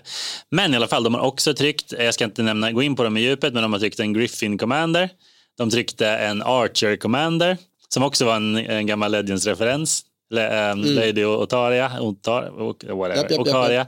Eh, och sen den här då, Kobold-legenden, också Assassin-legenden. Såg du vad han gjorde? Den är riktigt rolig. Är också just att de är lite originella, många av dem. Det är inte bara att de är så åh, plus tre, plus tre. Eh, utan den ger plus ett, plus ett till Assassins. Men den har en trigger att när en Assassin, eh, nej, när en spelare förlorar spelet, eh, om det var en Assassin som gjorde skada, så vinner du matchen. Alltså du behöver bara döda en spelare. Då har du liksom eh, completed your Japp. contract. Coolt va? Ja, det är jävligt coolt. Japp. Jävligt, jävligt coolt. Så då vill man sitta och vänta tills någon är låg och bara snika in den där. Okej, fan vad coolt. Men han är inte med på listan utan här blev det istället Roja. Eh, och eh, den här är riktigt pushad såklart, men det är okej för det är kobolder. Kan också nämna att det här är en referens till en gammal koboldlord. Det fanns ju en gammal från Legend som är svindålig. Också plus två plus två. Men motståndarna får kontroll över om de inte betalar typ fyra mana i upkeep eller något. Just det, just det. Och eh, den här nya har ju inte riktigt den, den, den känslan. Eh, så det här ser ju riktigt, riktigt bra ut. Alltså att du, både att den har synergi med drakar, eh, så att du kan liksom bygga kobold slash dragonsleken, vilket är helt rätt, för vad kobolder är är ju typ små drakhumanoider som tillber drakar. Visst, och blir I, säkert i, i ätna av dem. And Dragons-världen. Ja, de, är liksom, de har en väldigt jobbig relation till drakar. Att Ja. De är deras mat och deras eh, Ja, men det, det är riktigt snygg design. Alltså flavormässigt pushad. Kommer inte göra någon större impact i folks commander-liv. Nej. Yes, på åttonde, ja, den åttonde, äh, Den tredje, tredje. kortet vi pratar är eh, Jag säger det går inte att göra så här. är i alla fall. Uh, Ivy, Gleeful Spell Thief. Det är en Fairy Rogue för grön och blå, så två mana. Eh, och den har eh, Flying. Eh, och säger att när någon kastar en spell som bara har ett target och det targetet inte är Ivy så får du också kopiera den spellen och så targetar den kopian Ivy. Så det här låter ju som att man ska spela Giant Groves och så vidare. Eh, eller hur? Va? Eh, lite som commander som redan finns som Cedra till exempel, den här goblinen som kopierar alla single target spells. Men det som gör den här lite unik är för det första att den kopierar även motståndarens spells. Så om motståndaren lägger auror och eh, bo, alltså, som jag sa, Giant Grove-liknande saker så kommer hon också bli buffad. För det är även det, även eh, permanenter kopieras. Det är en grej de gör nu ibland, att det blir token-kopior. Så om någon lägger en rankar eller en eh, Eldrazi conscription och inte tänker efter så kommer du också få en. Just det. Ja, ja, ja, ja, ja. jag missuppfattade den först, jag läser dåligt tydligen. Men jag fattar, det är inte gubben som kopieras utan det är spellen. Ja. Så den är ju okej. Ja, nej, den är väldigt cool. Det funkar ju... Ja, Du kan göra ganska mycket. den kan göra väldigt mycket bus och eh, det är synd att den skulle ju varit cool som, som röd också antar jag, kopiera burn spells, men det här blir ju det också fett. Fast de targetar henne allihop, så det vore inte så nice. Ja, det är sant, det är sant, fast du måste ju inte... Kopian targetar alltid henne. Så du, Okej, fan det här det tog mig lång tid att fatta. Jag är med, nu är jag med. Ja, och nu fattar du att man kör auror, man kör eh, ram, alltså giant growth-aktiga saker. Man kan också köra cantrip-saker. Alltså, vad, Ja, ge trample, dra ett kort vad det nu hade just det ett dåligt exempel för den. sure, men den typen av saker. Så, ja, och, Target och den och även motståndarens eh, auror och liknande. Absolut. Eh, Väldigt kul, känns väldigt fairy, så busig sådär som den ja, är. och eh, inte jättegjort faktiskt, det är sant. På tal om blågrönt så, jag vet inte, jag tyckte så, ja, den här var ett av korten jag först tänkte ta bort och sen läste jag på den en extra gång och tänkte nej fan det här vore riktigt coolt att göra och det är Volo eh, som kom i, eh, i eh, Commander eh, Legends Baldur's Gate. Eh, Han kom faktiskt innan. Han är från gam... Japp, så han är något år gammal nu. Eh, så det väl lite fusk på vår lista här. Men det är, men det är, han är men, från gamla Baldur's Gate-sättet. Ja, jag tror det. Eller vadå? Mm. Ja, exakt. Eh, precis. Eller gamla Dungeons and Dragons, ja. Ja, precis. precis. Precis. Men, men oavsett vad, eh, jag har knappt hunnit se honom i spel och det är ju, stryker under min poäng. Alltså det kommer så mycket nya legender som man vill bygga coola lekar på, men man hinner inte. Men här är en som är värd en chans i alla Ja, fall. precis. Han säger att varje gång du spelar en creature spell som inte delar creature type med en annan eh, creature i spel eller i graven. Eller bara i graven. Nej, båda. Ja. Eh, just det, control. Så får du göra en kopia av den. Eh, så alla gubbar du spelar, om du inte, alltså om du kör max en av den creature typen hela leken, Japp. kommer alltid ut två när han är i spel. Exakt. Så det är anti-tribe-kort-legenden. Jävligt coolt. Jag vet. Han, Det, sam- det är också coolt, Volo är ju typ, han skriver böcker om monster. japp. Eh, och håller på liksom, det finns någonting som heter Volos guide to monsters eller något sånt. Mm. Och han försöker liksom upptäcka alla monster och varelser som finns i hela Dungeons and Dragons-världen. Eh, så det är väldigt snygg flavor där också. Han ska hitta varje varelse men han vill liksom inte ha dubbletter, det är han helt ointresserad av. Han bara, ja, men jag har redan sett en kobold. Jag japp. vill på bilden har han ju eh, sådana jakttroféer förstås. Mm, ja, men väldigt kul och som jag sa, det här skulle ju... Väldigt uppenbart hur man vill bygga den på något sätt. Det är uppenbart, så det kan man se som en kritik mot honom. Men det är ju också väldigt originellt, för det finns ingen annan motivation någonsin i Magic typ att, in, att tänka på det här sättet. Alltså att den här inte får dela creature type. Ja, precis. Eller att du, så här, visst, du kanske kan ha supportgubbar som delar creature type, men sen vill du köra en massa gubbar med sjuka ETB-abilities. Och du skiter i vilken creature type de har. Eller så bryr du om du kör tribe så bryr du dig jättemycket. Och om du inte kör tribe så bryr du dig väldigt lite. Ja, han får dig att bry dig på ett annat sätt. Exakt, det är om någon, du plötsligt, ditt meta kör fyra player ner i varje lek så kanske du vill ha olika creature types. Men annars inte, och där kommer han in i bilden. Mm. Här hade du bläddrat fram en ny gubbe då. Yes, och den här är jag helt ny. Jag har inte ny. sett den förut. Nej, den är helt ny. Den är från Dominaria United Commander. Uh, yes, vill du läsa? Eh, Meria, Scholar of Antiquity, kostar röd-grön, eh, en generic och har en activated ability, eller nej, den har en, en static ability som är, nej den har en activated. Eh, tap an untapped non-token artifact you control, add green. Eh, tap 2 untap non-token artifacts you control, exile the top card of your library, you may play it this turn. Så du vill helt enkelt spela massa artifacts som inte har egna tappförmågor. Mm. Så att du kan tappa dem med den här istället. Precis, Eh, och eh, det som gör den här unik är ju ett att det är en rödgrön, framförallt då grön Artifact Matters Commander. Det är, Det är väldigt, väldigt ovanligt. Eh, Och som du säger, det andra är ju att den gör dina, alltså dina, allting blir mana-stenar men inte treasures och så och det är jag glad för för det hade varit för bra, helt ärligt. Ja, så att hon ger dig ju mycket av det du vill ha i Commander. Alltså hon ger dig både card advantage och hon ger dig mana i en färg som inte riktigt brukar göra det eh, och får dig att spela artefakter som eh, antingen funkar ändå, alltså som är liksom gör statiska saker, alltså saker som tuggar på, alltså så på olika sätt. Kanske sådana som gör typ, Fierist Puzzle Box. ja, men den sådana typen av kort. liksom. Den typen av kort, exakt. Och tappa dem för mana och för ännu mer card advantage. Så du kan ju bygga någon konstig stackslek på den Ja. här där du bara spelar massa, alltså snaring bridge och massa Ja. liksom stacks pieces och Japp. sen använder dem också förutom att stacksa till att tappa för mana. Ja, och vet du vad det värsta av allt är? Du har ju ännu mer rätt, eh, om det inte var det du tänkte när du sa det där. Men vissa gamla pieces som Winter Orb och Static Orb och Howling Mine för den delen också, vad säger de? Att om de är, upp, om de är tappade så, så eh, Funkar de inte för dig? Ja. exakt. Så det är, dels är det nice och sen är det också coolt att du, alltså ja, coolt, det är hemskt också på ett sätt, men det, jag tänker att hon, om du kör artefakten som stänger av drawsteppet och gör att du ska exila toppen Ja. istället så blir den här, Omen Machine, ja. blir den här också bra för att du kan fortsätta dra massa kort ändå liksom och sånt. Japp, den är riktigt bra med den. Ja, så så är det. Eh, du kan bygga en hemsk rödgrön stackslek och det känns så pass originellt så att vi har med Det den här. uppmuntrar också alltid stackslekar. Japp, så, så är Alla vi. metan behöver en hälsosam mängd av stackslekar. Exakt, skicka dina complaints till eh, på stacken snabel stacks.se. En av de bästa commandermatcherna jag spelat var fyra stackslekar. Det, jag, horribelt. tror, jag antar att du är ironisk nu. Nej, inte alls. Det var underbart. Det var som en stor jävla pussel, eh, pusselupplevelse, gemensam pusselupplevelse där alla bara försökte säga nej, nej, spela inte, nej, inte den stackspacen, hur fan ska vi lösa det här? Och sen så hittade man en lösning. Någon vann till slut på att slå ihjäl folk med sin commander förstås. Ja. Lavinia tror jag det var. Wow. Hur som helst, vi hoppar vidare och här har vi en riktig god gubbe. Ja, det är inte vem som helst, utan det är Hasses son. Exakt, det är, inte en, precis, det, är en, det är hans son. Ja. Det är Hassesson, Shaper of Sand. Det är en Naya-mana, så rödgrönvit för en 3-3. Han är en human warrior eh, och han har Desert Walk. Första gången tror jag. Lite unikt. Japp, unblockable och motståndare en desert. Eh, Du kan spela deserts från graven, länder alltså. Eh, Och när en desert kommer in så får den ett, nej två ett ett red, ja, Naya-färgade Sand Warrior Creature Tokens. Oh boy. Så låter det. Sand, Sand Warriors. Ja, just det, i eh, Star Wars, ja. Ja, Ja, men lite så. Eh, förlåt. Ja, nej men eh, det är ju dels är kul, det är en av de här referenslegenderna, då, så här är en sån där boxtopper antar jag. japp.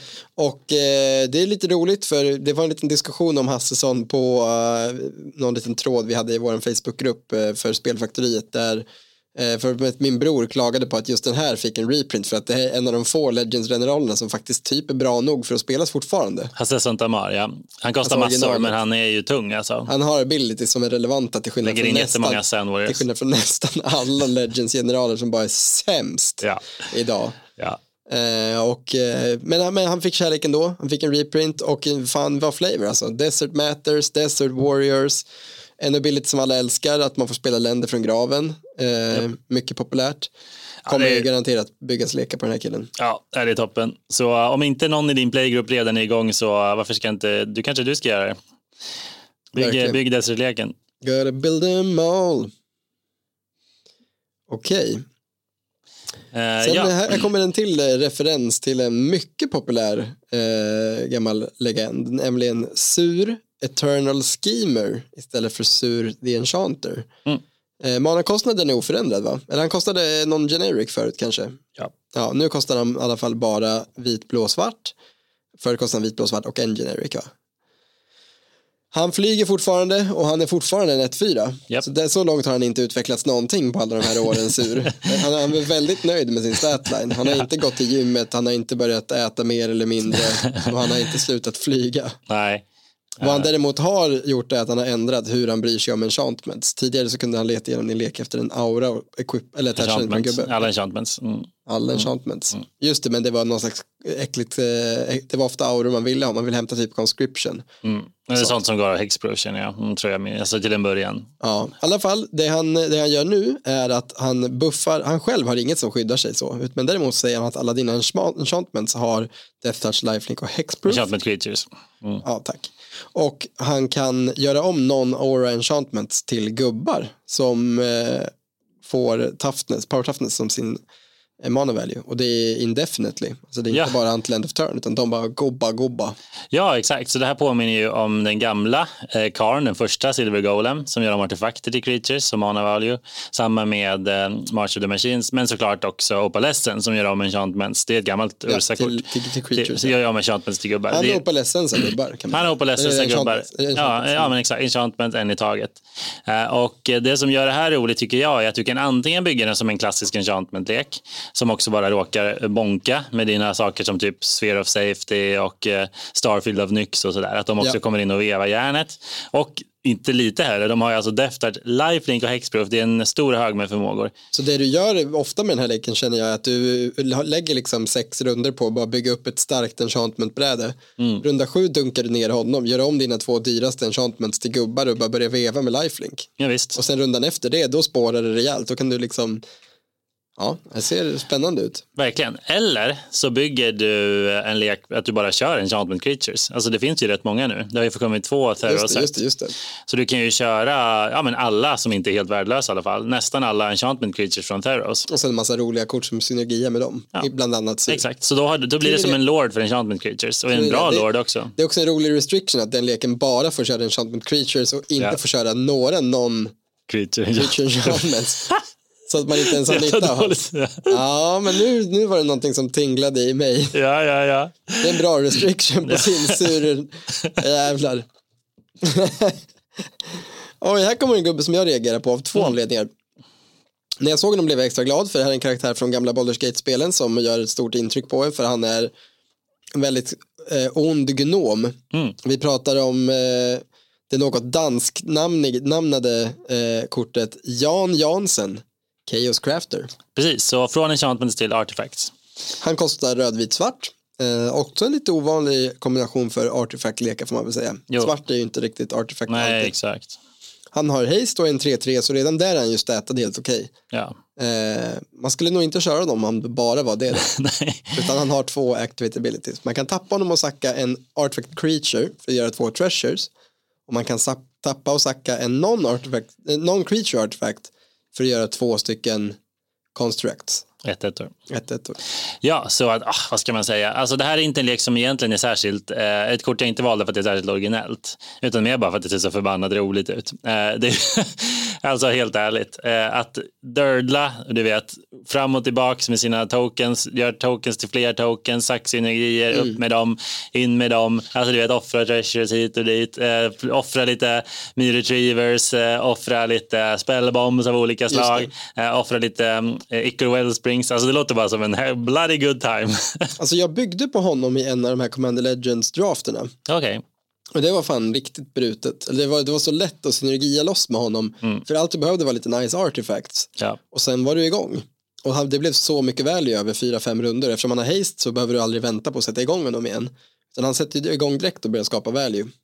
Ja, nej men visst, alltså vill du bygga en artefaktlek, vilket alla vill då och då, ja en ganska Som originell. inte blå heller. Nej, precis, precis. Så varför inte herre Jan Jansen? Det låter som en dansk politiker, men det är... Jan Jensen. Men det är. Förlåt, en sista sak om danskar. Du såg att Half Dane också fick en, en till ny version. Oj, det är dansk tema på sistone. Ja, men nu vet han är ever changing Dane. Jag tror Ja. för sig inte att det är jättemånga andra som har kopplat Jan Jensen till dan, dans. Men jag tänker på typ Jensens böfhus och sådana andra danska grejer. Ja, men det är klart för fan, det är klart det finns en Jan Jansen. Ja, fan, Ja. man älskar och hatar danskar ändå. Det, är Så ändå, är det. Så är det. det står jag för.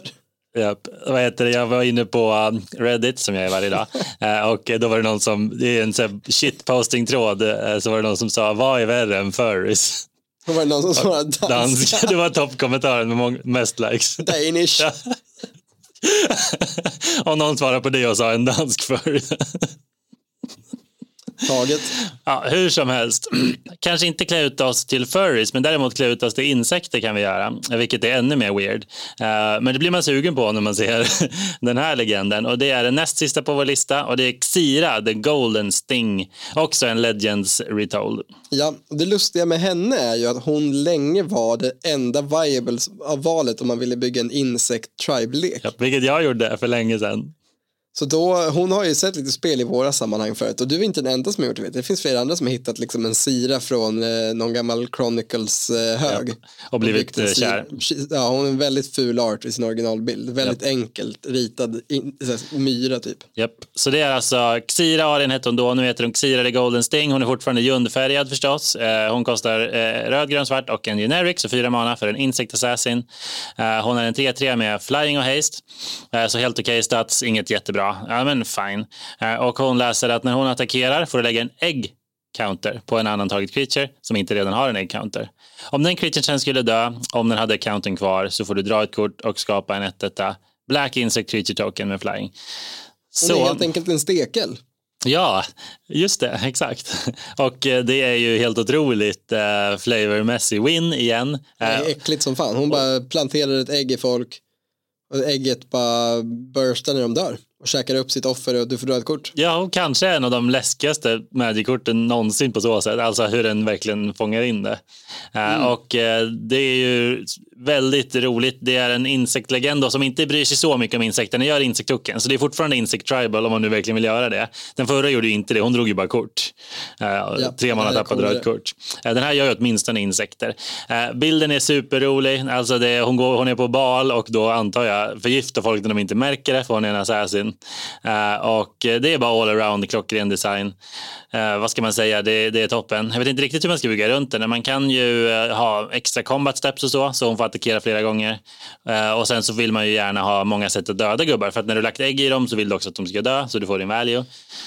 Så, en konstig sak med henne som jag noterar nu är att så som det där är skrivet så tror jag inte att hon måste vara i spel för att du måste få dra kort när... Nej, det är sant. För att det är liksom inte två olika. Det är inte hennes ability, hon har inte en ability som säger att gubbar med ägg counters på sig gör att du får dra kort när de dör. Utan det står bara som en del av hennes lägga ägg ability. Så är det, är det så det gör det lite bättre. Det gör lite bättre. Ability. Triggered abilities, activate abilities och lägga ägg abilities.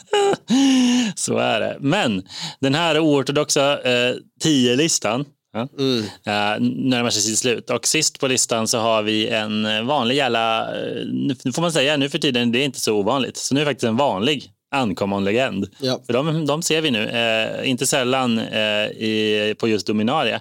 en av många legender du hittar i dina Dominaria-packs är den här och det är en grönblå elf scout som heter så mycket som Nile Avisoa Aeronaut eh, och den har en 2-4 med flying och när den gör kombatskada på en spelare får du titta på de X översta korten där X är basic land types, among lands control, domain alltså och lägga en av dem i handen. Och ja, det var det. Inte så jätteimponerande. Eh, det är alltså en 2-4 för 4 med flying som eh, connectar och gör typ att du får dra ett kort lite bättre. Lite bättre än att dra ett kort. Men det som är coolt med den här är ju att det är en blågrön lek som har ett incitament för att spela alla möjliga konstiga eh, duals, liksom. alla, alla länder med extra land types. För att land types hindrar dig inte från att bryta med color pie, eller alltså color identity. Just det.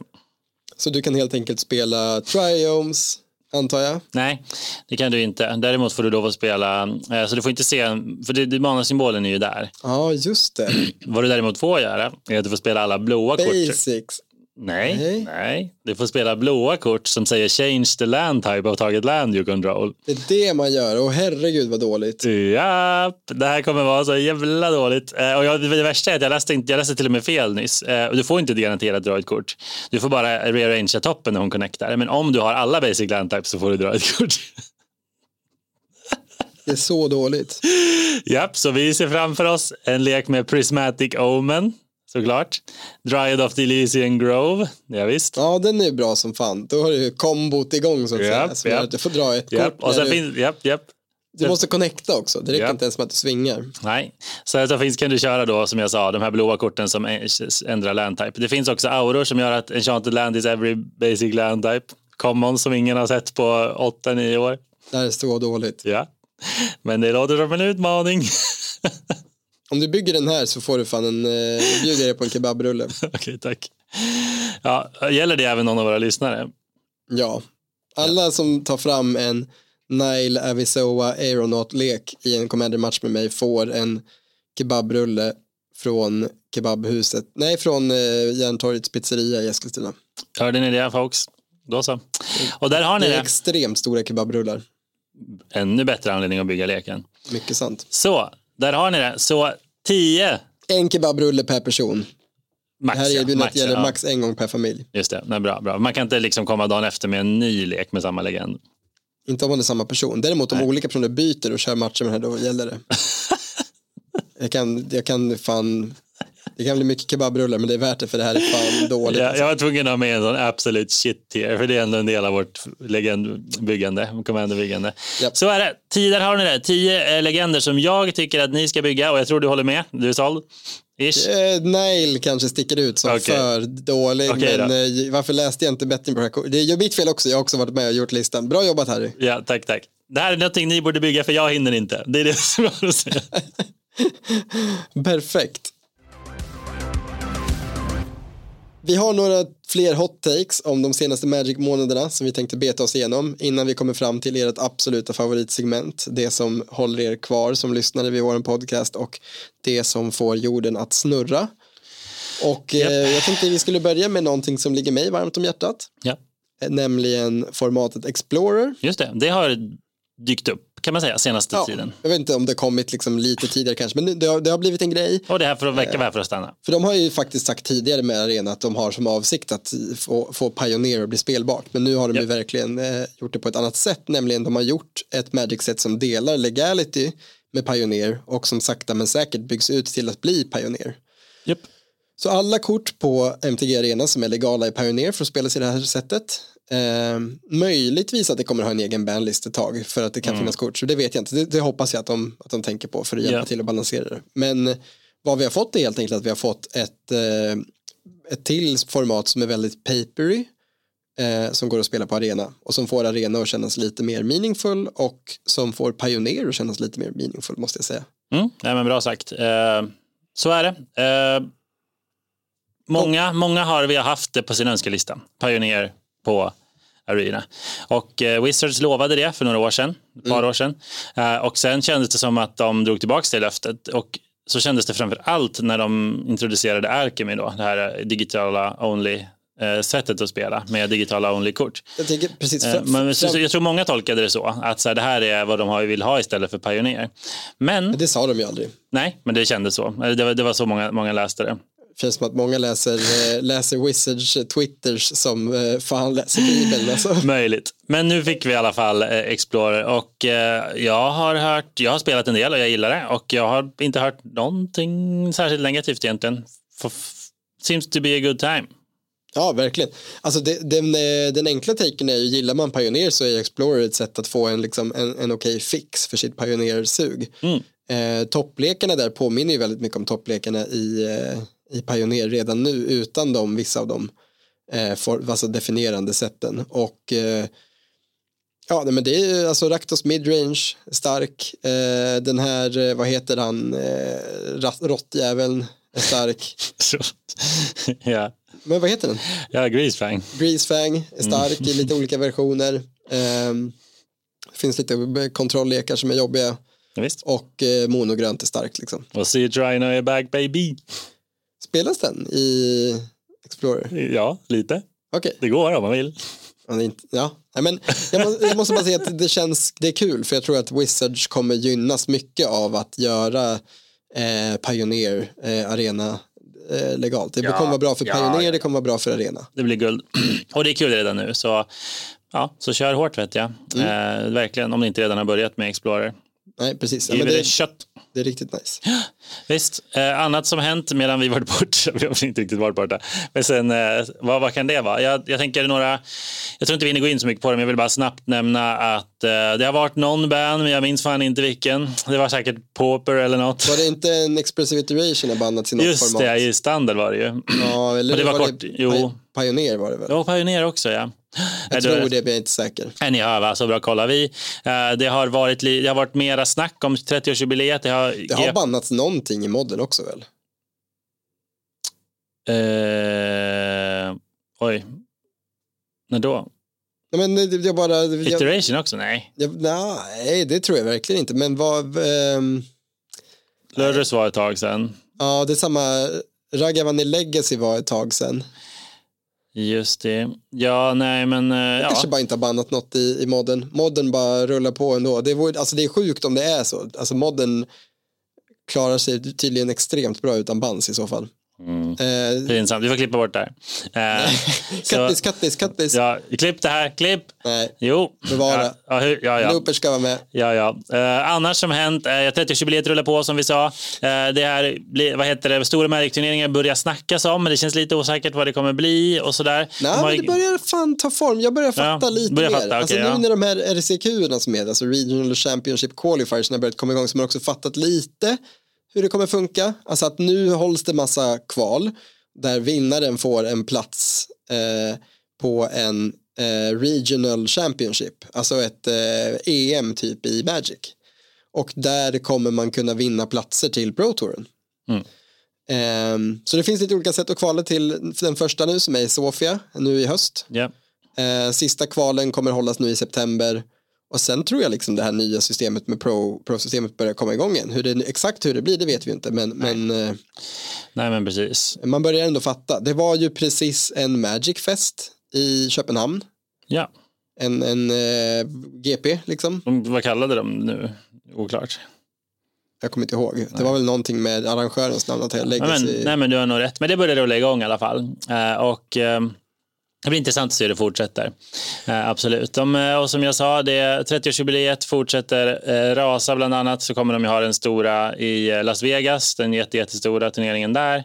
Eh, de fortsätter samarbeta med Post Malone en jäkla massa. De hade någon sån tävling där någon skulle vinna mot honom och få typ svinmycket pengar, alltså typ en miljon Då dollar. var det. Wizards grej. Ja. Det var inte Post Malones grej. Nej, Är det 100-100? ja, nä, nästan ja. Jaha, jag trodde det var han som bara var baller och bara hej, jag utmanar er. Men han kanske, kanske var så de Och han porträtterade. förlorade typ med flit i tävlingen också. Alltså för att de, det skulle bli så dålig stämning om de inte vann. Jaha, är du säker? Ja, alltså, jo, japp. alltså inte riktigt med flit men typ. Det var väldigt tydligt att, eh, Den här som att det hade var, fått det var utmana lite honom skulle ja. få vinna. Ja, ja. Jag fattar. Så var det. med- Det var eh, jävla bra content. Jag, så här, jag kollade inte på själva grejen. Nej. Men det gjorde ju extrema svallvågor i Magic sociala medier. Exakt. Eh, många som såg det. Men visst var det att man kunde vinna 100k? Det var man kunde det. vinna över Post Malone i, i en one-on-one commander. Japp.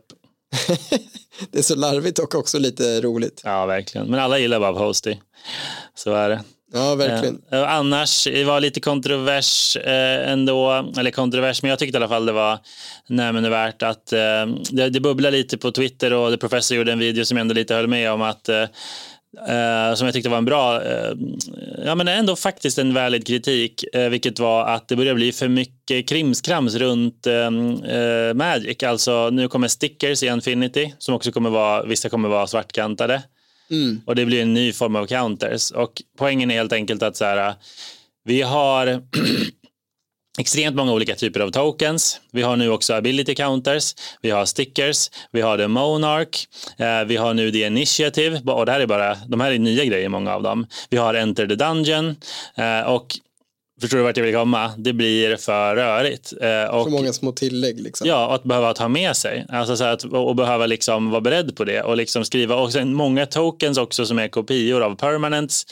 Det blir en massa skrivande och det blir väldigt grötigt. Eh, och eh, where does it end? Eh, alltså så här, om det ska fortsätta med många nya mekaniker per år som alla kräver en till checkkort eller liksom en till countertyp. Ja, I don't know. I'm not, I don't like it. Det känns ju, ja, absolut. Men det som är problemet är väl att det blir ett ganska spel, alltså speltekniskt för det sättet som det kommer i ofta en ganska rolig mekanik. Ja, Och det får ofta inte en jätte, alltså Companions är väl den grejen som har kommit nyligen som har varit störst av alla de här, som verkligen gjorde störst skillnad för, för Constructed Play. Ehm, för man kan inte påstå att en Venture into the Dungeon har stört något Constructed utanför Commander jättemycket. nej, inte än.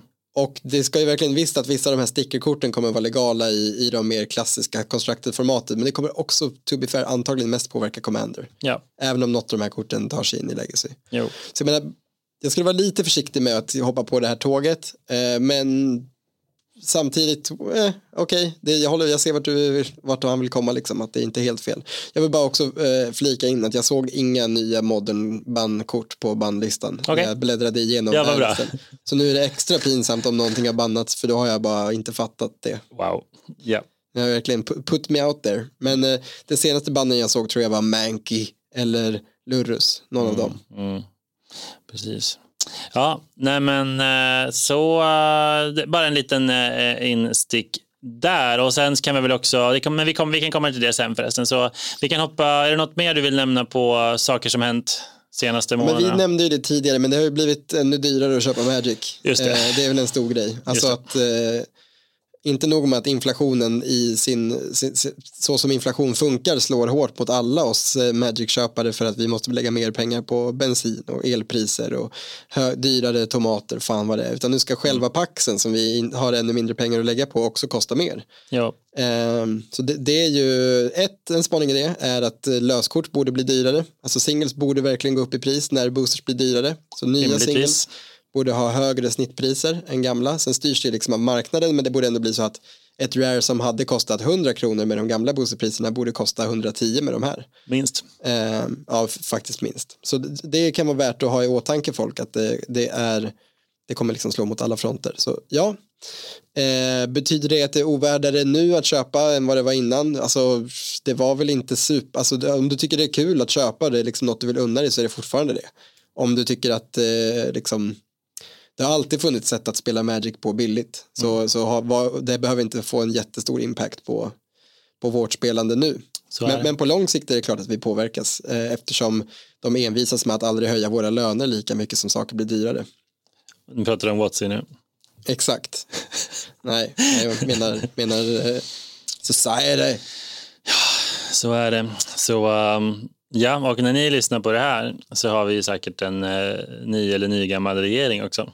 Så vi får hoppas att de tar det här med boosterpriserna på allvar. Ja, precis. Jag vill passa på att skicka en shoutout till Magda eller Uffe eller vem det nu är som styr eh, det här avlånga landet. Roligt om det inte är något, obehagligt och roligt om det inte är någon el, av dem. Ni pratar mycket om elprissubventioner. Mm. Men var är boosterprissubventionerna som hushållen behöver där ute i landet? Exakt, tänk att vara beroende av collector boosters. Jag vill ha, jag vill ha svenska priser på svenska boosters. Exakt, bring magic production home. Okej. Okay. Ja. Du, du, vill också göra lite framtidsspaningar som att vi inte har... har uh... Ja men så här. Uh någonting som har hänt, det här, det här är en framtidsspaning här, men det är också inte det. För att någonting som hänt medan vi varit borta då och det är det avsnittet handlar om.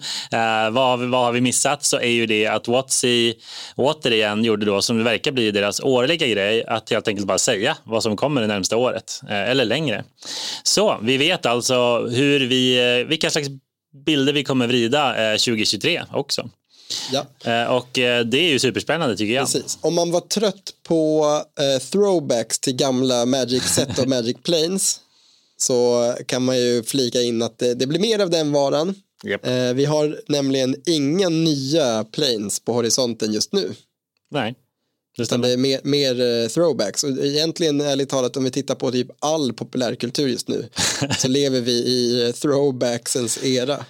Så är det. Eh, det lönar sig inte att komma på nya saker som man måste sälja in och övertyga folk om utan det är mycket bättre att gå till det som folk redan har visat att de älskar verkar det som. Och det, Magic har också börjat snappa upp det här, börjat, det här är ja, vi, Capenna kanske var det sista nya vi fick på, på länge. På tio år? Vet, nej, nej men, men på länge kanske ja. Men så är det, nostalgia sells, but who's buying? Everyone apparently.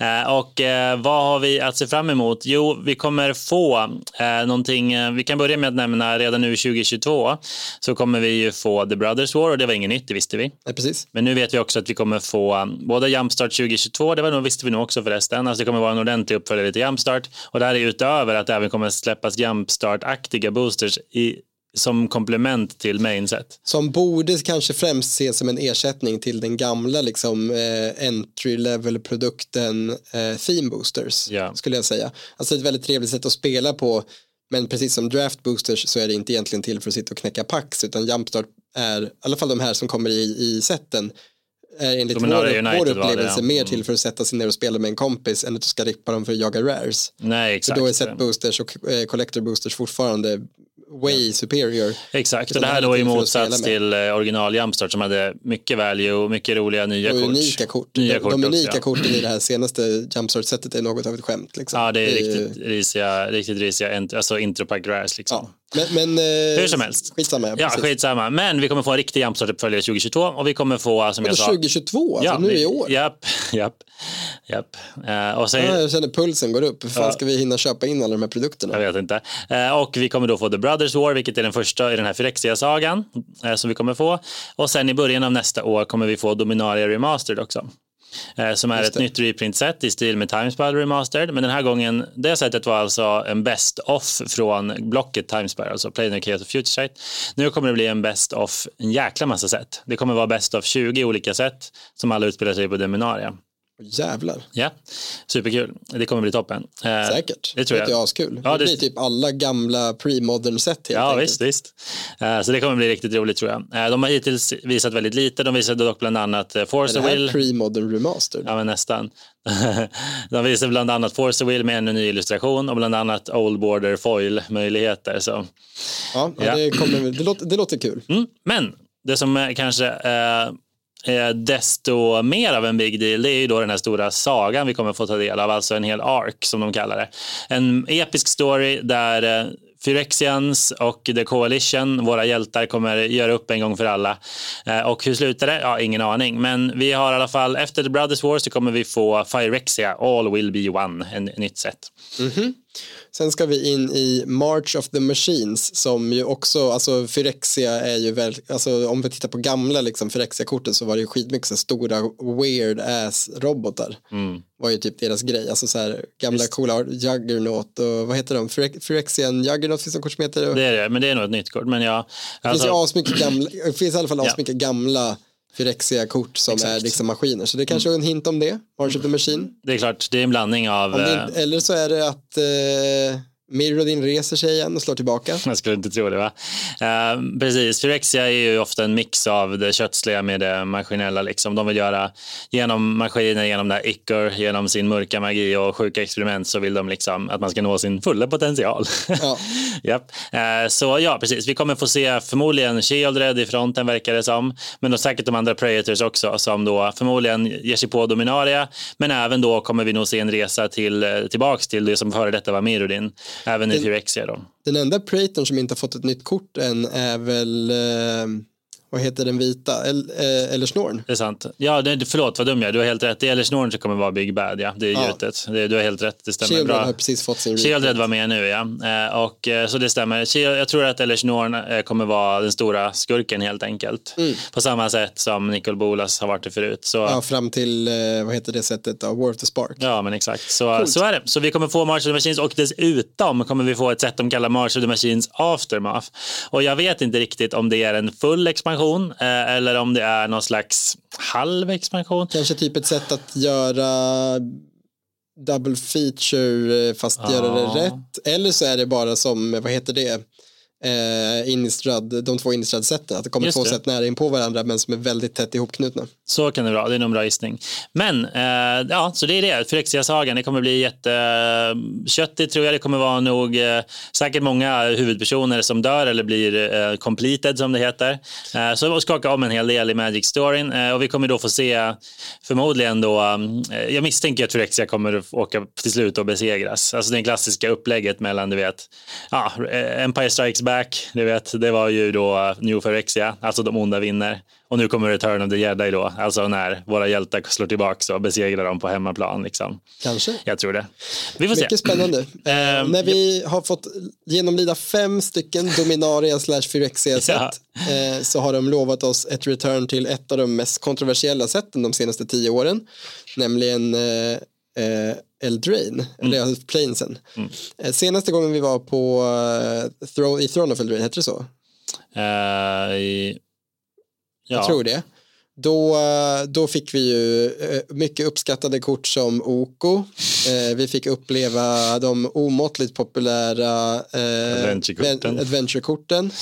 Once upon a time också. Ett jätte- härligt kort, Once upon a time, som inte, inte alls var för bra. Eh, och förlåt, jag låter superkris, det är jag inte ens. Jag tycker att det här sättet var skitcoolt tematiskt. Eh, en jävla slam och det var ju också början på liksom en extrem increase i power level som var eh, alltså de här bannåren som 2019, 2020, Ja. 2021 var. Jo. Så det, det är ju blandade upplevelser liksom, att nå- förutom att det var liksom top-down, alltså det mest top-down designade sättet någonsin att det var skitcoolt. Med alltså. Mm, mm. Eh, så var det ju också helt jävla broken. Så Ja. får vi se för vad folk, alltså folks förväntningar på det här kommer ju vara skyhögt. Ja, Wild, The Wilds of Eldraine heter det i alla fall. Eh, och det kommer vi, får alltså, vi vet väldigt lite om det. Vi vet att det är ett till sätt som utspelar sig på Eldraine helt Som kommer nästa höst antar jag. Ja, och det kommer vara ännu mera eh, fairy tales, ännu mer sagoreferenser eh, och förmodligen väldigt försiktiga mm, game designers när det kommer till eh, power level och framför allt då om vi får se OK igen eh, som, som karaktär. Då. Eller så, ja, jo, ja. Kul om de bara gjorde det igen. Som Liliana, att de Ja. bara, nu trycker vi om OK igen. Ja. I standard. Ja, just det, bara reprinta den rakt av. Eller så var OK2 Electric Boogaloo och sen var ännu mer brut. Det kostar två och har bara plus tre abilities. Nej, men, eh, sen, Plus, eh, plus ett, alla permanents är Elks 3-3. Ja, nej. På tal om omåttligt populära sätt som har gjort en extrem impact och som alla längtar tillbaka till så kommer de ju även att trycka om eh, eller ta oss tillbaka till Ixalan. Då är det säkert många lyssnare som undrar, Ixalan, vad fan är det? Lite så. Ja, exakt. Men inte du, Ixalan är ju din, det är fan ditt, ditt hemplane. Precis. Ixalan är ju för mig och många andra också känt för att vara den plane som äntligen gav oss eh, Dinosaurs. Som äntligen gav oss dinosauriesupporten. Ja, när Dinosaurs slutade vara Beasts. Japp, de gjorde det, eller Lizards, eh, och gjorde det ordentligt. Eh, inte bara designmässigt med fullt av fjädrar på dem i referens till modern forskning, men också då gameplaymässigt att det var så mycket feta dinos så att Dinosaur Tribal är inte bara fungerande, det är riktigt bra. Jajamän, Eh, men så är det, vi kommer få se Lost Caverns of Ixalan. Och det, låter skitcoolt ärligt talat. Ja, alltså jag tror att Ixalan var ett väldigt udda sätt. Det var ju mycket på en gång. Alltså det var ju Inka-riket, det var pirater, det var conquistadorer eh, och det var dinosaurier. Och det var Murfolks också. Så eh, ja, en riktig kompott. Eh, Jag hade aldrig några issues med det så, men det var ganska, det var inga, inte så många kort som gav någon särskild impact i Eternal-format. Men det var väl lite typ publikfrieri i det på något sätt i att det var liksom både vampyrer, dinosaurier, alltså så här riktigt populära creature types. Murfolks är en väldigt populär Ja. creature type som fick Ja. mycket attention. Ja, Eh, Så det, det får man ju ge det. Och väldigt coolt att de gav sig in liksom i kulturer som vi inte riktigt experimenterat med förut. Så typ så här, ja men eh, sydamerikansk kolonialhistoria typ och lite Ja, sådana. Eh, jag exakt. vet, jag vet inte, det, det är klart att det var, det var ett ballt sätt som verkligen var unikt i Magic-sammanhang. Ja, Eh. precis. Jag vet inte riktigt varför. det- Jag tror att det låg lite dåligt i tiden bara. Det låg nära sätt som också hade lite låg power level som Hour of Devastation och Amonkhet och så. Eh, Och det var innan de här riktigt brutna sätten. Eh, Så jag tror att det var lite därför. Eh, Och att det var lite, som sagt, lite spretigt eh, och inte så många kort som gjorde en impact på lång sikt. Men, och inte så mycket value. Mycket det tror jag också. Väldigt få värda kort än idag. Ja, det är sant. Ja. Vad vill man öppna i en Ixalan booster? Glacial Fortress. Precis, ett tag var nog korten lite dyrare. Alltså typ Search for Ascanta var dyr ett tag, men det var ju länge sedan. Uh, det, jag det är väl med. dinosaurierna kanske helt ärligt. Jag vet att uh, Sakama, den är dock från Rivals of Ixalan, det andra sättet. Den vet jag att den går på 200-300 i alla fall, men ja, ja. Eh, den trevdade megadinon. Ja, just det. Hur som helst, så det är, det är det faktiskt. Så där vet ni vad ni kommer göra de kommande, kommande året. Och som om inte allt det här var nog så kommer det såklart poppa upp andra grejer. Bland annat fortsätter de ju på sin ja, återigen kontroversiella eh, grej med Universes Beyond. Då. Vi vet att vi kommer få ett stort Sagan om ringen-set 2023. Det kommer vara modern legalt, det kommer skaka upp saker. Det kommer vara som det känns nu med tanke på hur, alltså det är ett år sedan nu ungefär sedan de släppte Modern Horizons 2. Tre år sedan sedan de släppte Modern Horizons 1. Ja. Så det kommer alltså, det var ett tvåårsglapp.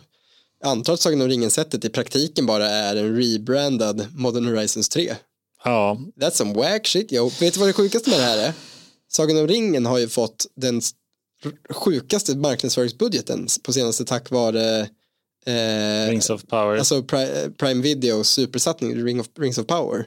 Så det här ligger ju väldigt bra i tiden för dem att göra. Alltså när det här, nästa sommar kommer ju Lord of the Rings ha liksom varit i folks, eh, at the top of our Ja, minds. ja, Och det verkar ju bli en supersuccé rent i tittarsiffror. det tror jag nog. Det måste det bli.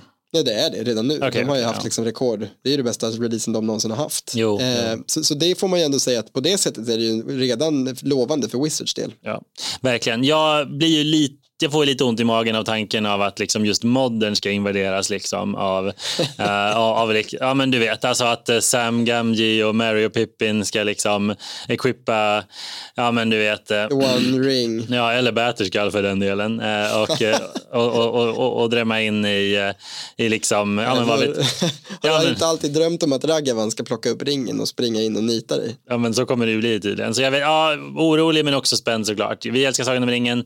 Vi litar på dem designmässigt, åtminstone liksom flavormässigt, gameplaymässigt. Det kommer bli bra. Men kanske vi hoppas bara att de vågar, att de inte eh, tar i för mycket powermässigt. Jag mest håller sig till Commander. Fast- Ja, ja, Vad, vad gjorde Modern Horizons 2 till deras best selling success någonsin? Det var ju inte att det var bra set design, det var ju att det var, det var det ju power. dock, men ja. Mm. Det var bra, men det var inte därför det jag vet, succé jag någonsin. Men nu, nu, nu pratar du ju om vad de borde göra. Alltså ta i. Jag pratar om vad jag önskar att de skulle göra. Alltså inte ta De kommer i. ta i från tårna. Ah! Du kommer ha, istället för att ha, fe, istället för att ha fem elementals som är gratis att spela Ja. så kommer du ha fem hobbitar som är gratis att spela ut och som kommer ner och gör.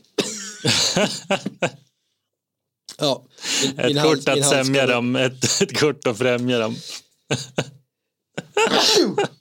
Ja, nej men herregud, jag, jag håller väl egentligen med dig. Det vore skönt att in, om det inte pushades för hårt. Ja. Men Så- vi ska nog inte, vi ska nog inte hoppas på för mycket där om Nej, min nej. spaning om att det här är nya Modern Horizons. Ja, nej visst. Så är det. Men utöver det så har vi ju också fått, eh, vi har Street Fighter har trillat ner i folks brevlådor, eh, Fortnite också på Secret Lair-fronten. Vi kommer inte gå in på det här för mycket för vi har inte tid. Men eh, Dungeons and Dragons-sätten, två helt enorma set. de kallar dem inte ens Universes Beyond dock. De säger, det, är bara, det är bara, ja faktiskt inte. Eh, det har inte den symbolen. Ja, det är deras egna grejer också. Men, Ja. Men, så är det och vi vet även att Doctor Who eh, kommer få samma treatment som Warhammer uh, nästa. Doctor Who Commander-lekar. Japp. Eh, nästa år. Whack shit, yo. Japp. Älskar Doctor Who och älskar Warhammer, så de vet ju sin crowd i alla fall. De vet mig. Ja, nej men eh, underbart på ett sätt också för att se vad de hittar på. Jag, kan inte, jag måste ändå säga att jag är lite nyfiken. Jag är inte bara skeptisk. Nej, inte jag långt, ifrån. Nej. Och eh, jag vill även passa på att flika in kopplat till Universes Beyond att det finns otroligt många sätt att spela Magic på att eh, om det här verkligen grämer en allt för mycket försök att bara spela på det sättet som eh, gör att du slipper allt sånt här skit. Testa pre-modern. Japp. Just, just go full boomer. Verkligen. Eh, och hittills så har ju Universes Beyond-korten, jag har sett dem väldigt sällan. Alltså i spel. Väldigt sällan. Ja. Nästan Alltså, aldrig. jag vet inte om Wizards vågar leka med en sån succéprodukt som Modern Horizons och göra det till en Sagan ringen förpackning. Men om det är det som the stars are aligned, alltså för att det ska vara så, så då kommer det här, då, då kommer vi få se det här bryta. Mm. Å andra sidan hellre Sagan om ringen-kort som tar sig in i Magic än kanske Stranger Things eller Street Fighter. Det känns ju lite närmre känslan. Lite. Ja, nej men verkligen. Eh, definitivt. Så nej, det... Ja, den som lever får se.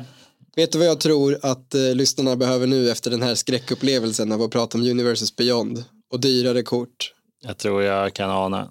De behöver nektar för öronen. De behöver få följa med in i en fantasivärld långt bort från valresultat Och och inflation och fylke. De tre, de tre källorna till mörker i våra liv. Mm. eh, Precis. Vi pratar förstås om show and tell. Det är inte alltid man har en sån här fin stund i sitt liv. Men det händer ungefär en gång varje gång vi spelar in podd. Eh, precis. Och nu var det dags. Vill du börja? Eh, eh, visst, jag, jag vill, kan, vill kanske fånga upp något som, som vi typ har nuddat lite vid i det här avsnittet. Det var det här du sa att varför, em, du nämnde det, varför raftar inte folk innan de rippar? Alltså kan vi få en spökdraft, du vet? Eh, och eh, jag har tänkt på det ett par gånger senaste tiden. Pratade med en annan eh, kompis på butiken om det bara lite kort nyligen också. Och det var att så här, men det var svårt att få till eh, kub till exempel, vilket är mitt en av mina favoritformat. Det var väldigt länge sedan jag spelade nu. Eh, och ja, men jag saknar det verkligen. Jag har velat få till draft med eh, Times Brother Remaster. Det är så mycket roliga sätt man vill drafta. Alltså kubdraft, double masters draft. Eh, jag hade gärna tagit en till Modern Horizons draft och så vidare. Eh, och eh, ja, jag tänker bara, det här är väl lite en sorgeinlägg kanske. Mm. Delvis att man är vuxen, det tar tid att planera. Det är svårt att hitta datum när alla ens goda vänner vill spela och hinner spela, kan spela och så vidare. Så men det är bara, det är bara, det finns en sorg i det förstås. Alltså man hinner liksom inte drafta alla saker man vill drafta. Eh, vissa har väl då det kompisgängen, alltså som faktiskt har den möjligheten och som fortfarande älskar limited eh, på det sättet och har den tiden. Men för mig så blir det svårt just nu eh, och det finns en liten sorg i det. Eh, och jag tror också, och det här är väl då kanske den lite mer aggressiva delen av den här pratan, och det är att kan det vara så att Commander är så stort och så kul att det finns gott om Magic-spelare idag som har väldigt lite intresse för någonting annat. Eh, alltså att förstår du vad jag menar? De, de vill verkligen bara spela Commander för att det, du vet, de draftar inte, de spelar inget annat constructed format. Att Commander har blivit så stort och så älskat och folk har lagt så mycket tid på sina lekar så att de bara tappat intresset för alla andra sätt att spela Magic. Nu är jag väldigt drastisk här, men jag tror det kan vara lite så. Jag tror ju, jag tror inte riktigt det. Men jag vill inte nödvändigtvis ha rätt här så. Mm. Jag tror att vissa absolut går den vägen på, samma sätt som det finns vissa som vägrar spela Commander och på samma sätt som det mm. finns vissa som bara spelar pre-release och aldrig dyker upp på någonting annat. Så är det liksom att man, Magic, även fast Magic är stort och nästan alla delar är sjukt roliga så är det många som behöver välja sin, sitt sätt för att det väldigt få som kan engagera sig i alla olika delar. Mm. Kolla på dig och mig som i någon mån försöker, liksom, att vi vill gärna ha en modernlek, vi vill gärna ha en pioneerlek, vi vill gärna ha en legacylek, vi vill gärna ha 16 EDH-lekar, vi vill gärna drafta varje set minst ja. en gång, ja. vi vill spela varje prälle. Mellan allt det här så hinner man ju inte, så, alltså hur, alltså hur många signar upp på hela det här paketet? Vi vill spela pre-modern, vi vill gärna smyga ner och testa liksom och klämma på 93-94-lekarna på Gamla stan. Alltså vi vill spela in en jävla podd om det här spelet. Det här nice. sättet att konsumera det här spelet på är ju kanske inte helt rimligt i längden. Och må många måste välja sitt sätt. Ja. Och då kanske man dessutom har andra hobbys. Det har ju inte vi på samma sätt kanske. jag menar bara... Du spelar till och med år här med din galning. Det hinner jag aldrig göra längre. Det hinner jag aldrig göra. Alltså, det, det som är att man måste någonstans försöka, alltså så här, vi försöker göra så himla mycket. Eh, men och, och, vi kan rida lite på att vi har spelat så jävla mycket och vi spelar så jävla mycket att vi kan ha kul i de flesta formaten. Vi liksom ja. är så pass inne i spelet. Men att behöva lära sig ett nytt format för någon som inte har gjort det är ett ganska stort commitment. Visst. Men det man märker med commanderspelare, för att det, jag kan nämna jag kan säga på rak arm skulle jag kunna säga fem personer som för inte allt för länge sedan var folk som bara sa att de ville spela Commander som har doppat tårna till slut i ett annat format. Okay, vad bra. För att man ihärdigt frågar, erbjuder, mm. visar upp. Och ta till exempel, eh, ja men Molander hänger mycket på butiken, en kompis eh, till oss, mm. eh, som, som eh, spelar nästan uteslutande Commander och drar ihop Commander-häng på butiken ofta. Men så fort vi började prata om Prox Legacy, då började han bli intresserad. Och det, mm. var, var, det var hans liksom, trigger okay. för att göra någonting. Så han var med på vår Prox Legacy-turnering och körde yeah. det. Um, så min, min poäng är bara att alla har ett, ett in i andra format också, tror jag. Men kanske inte nödvändigtvis limited för att eh, eller kanske inte nödvändigtvis modden eller vad det nu är för någon annan. Alla har sin tröskel. Och jag tror att det som är så jävla nice med Commander är att det till skillnad från alla andra sätt att spela Magic är väldigt casual oftast. Mm. Medan de andra sätten att spela Magic på är mer kompetitiva oftast. Oftast, ja. Mer än Commander. Jo. Oftast. Ja. Och det, det tror jag är en enorm charm för många med det. Att man verkligen bara chill-spelar som ett jävla brädspel liksom. Man Visst. försöker vinna och det är kompetitivt i stämningen men det är liksom inget at stake annat än en rolig match. Nej, visst, och, exakt så. Och för oss känns det ju, för mig känns det så med modden också. Ja. Jag är inte där för att jag vill bli bäst i världen på modden, jag är där för att jag vill spela så bra jag kan och ha kul. Mm. Och men, men at the end of it, så vadå, man kan vinna liksom produkter för några hundra spänn Eh, jämfört med att man är där och spelar i fem timmar. Mm. Man kanske till och med om man är på någon större turnering kan vinna några tusen. Men det är ju inte det det handlar om. Utan det Nej, handlar nej, ju om nej, att visst, det är visst. skitkul. Visst, visst. Eh, Nej, men jag, jag hör dig och eh, det är ju, jag tror, att, jag tror att det ligger mycket i det alltså. Spelet är, lite, är stort, man kan inte göra allt. Eh, och det, men återigen, det är väl en sorg i det också. Jag menar, tiden går, du vet, dagarna går. Man eh, försöker liksom lägga sin fritid på det man tycker om, men eh, i vårt fall och många andra Magic-spelares fall säkert, och speciellt när åren går och man blir äldre, liksom, så blir det otroligt svårt. Eh, Så är det. Och, eh, och Commander har ju en speciell plats i communityn idag. Det är ju större än det någonsin varit. Eh, Och det, det är ju som du säger, det skiljer sig mycket från de andra formaten. Så det kan ju göra också att, att bara för att man gillar det ena betyder inte att man gillar det andra.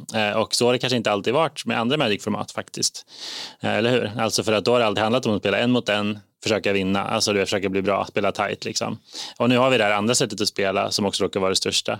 det öppnar upp många Som öppnar upp något helt annat. Så att det blir olika slags människor. Nej, men visst. Och det jag ville bara säga, alltså som en... Dels tänker jag att det inte behöver vara ett så stort problem. Alltså det är som sagt, de, folk spelar ju trots allt Magic. Så Jo, länge folk gör det ja, så ja, är det visst, kul. visst. Nej, nej, jag, Och den andra grejen är att det handlar mycket, mycket om att bara vara tålmodig så kommer många hitta till de andra formaten för att enligt min erfarenhet så är ju det också extremt kul och Mm. har helt andra kvaliteter än Commander. Så om många bara ger det en chans kommer de ju, vet ju att de kommer älska det. Så Mm. handlar det bara om att man måste ha tålamodet att finnas där när de är redo att ge det en chans. ja, visst. Och inte pusha folk liksom, utan ja, men när du vill är redo att testa, kom hit och spela lite modden eller kom hit och spela lite Pioneer. Ja. Hålla Mm. dörren öppen liksom. Visst.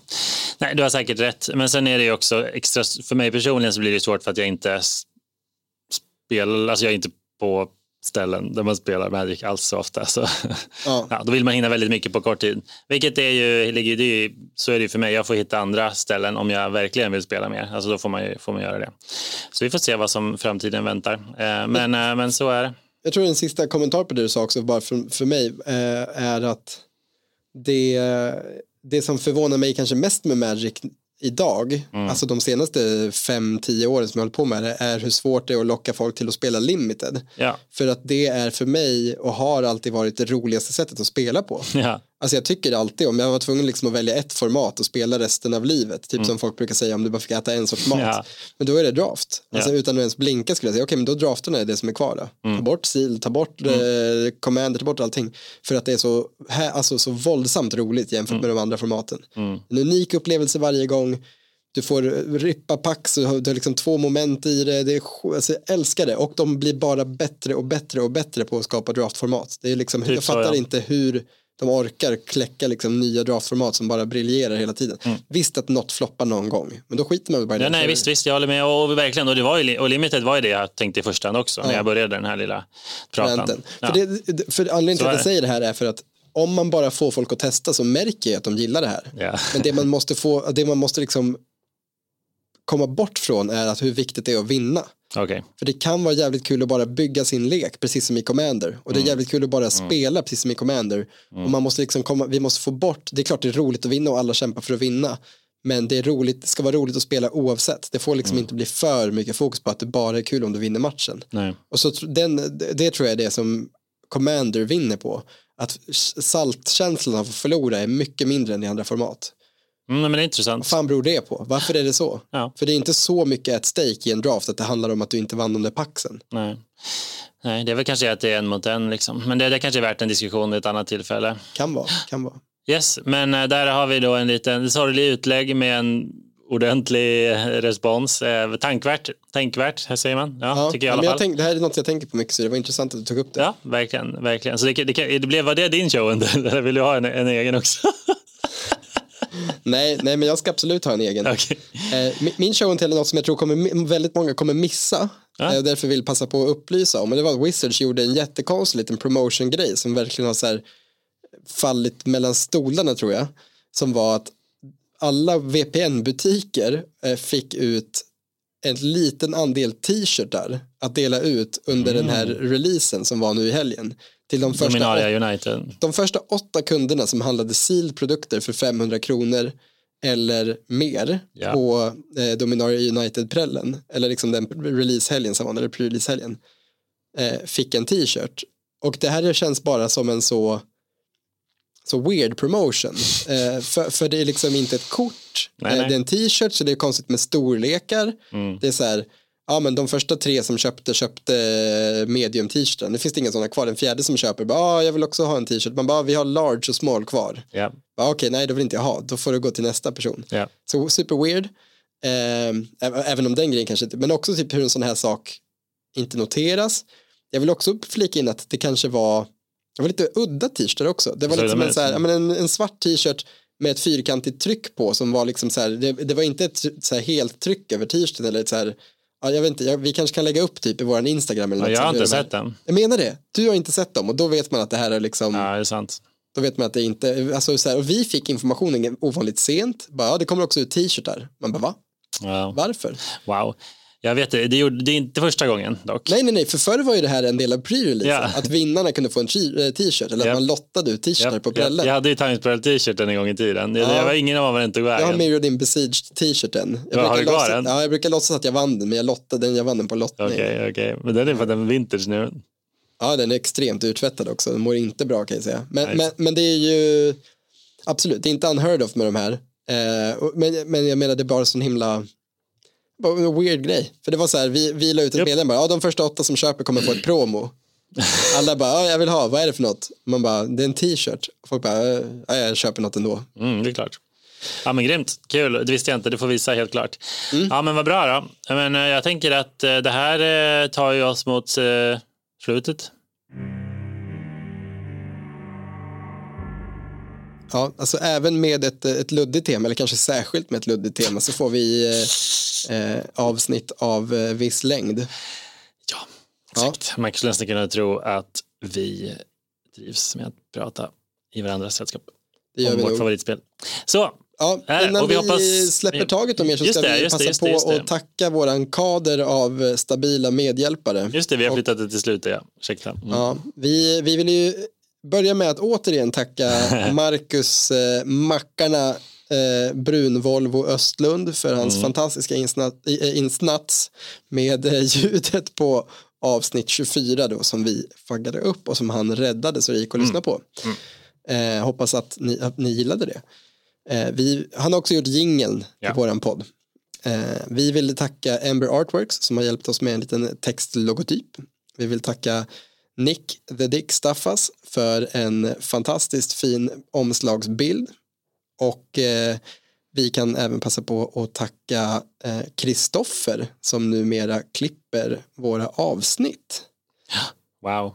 Ja. Och för fan Tobbe som laddar upp avsnitten. Ah, shit, det börjar bli en stor familj. Det börjar bli dags att befria honom och skaffa någon sån här rimlig eh, det finns ju, det är ju dumt, ni som lyssnar eh, vet säkert om det här men det finns ju typ tjänster för att ladda upp poddarna på alla poddkanaler.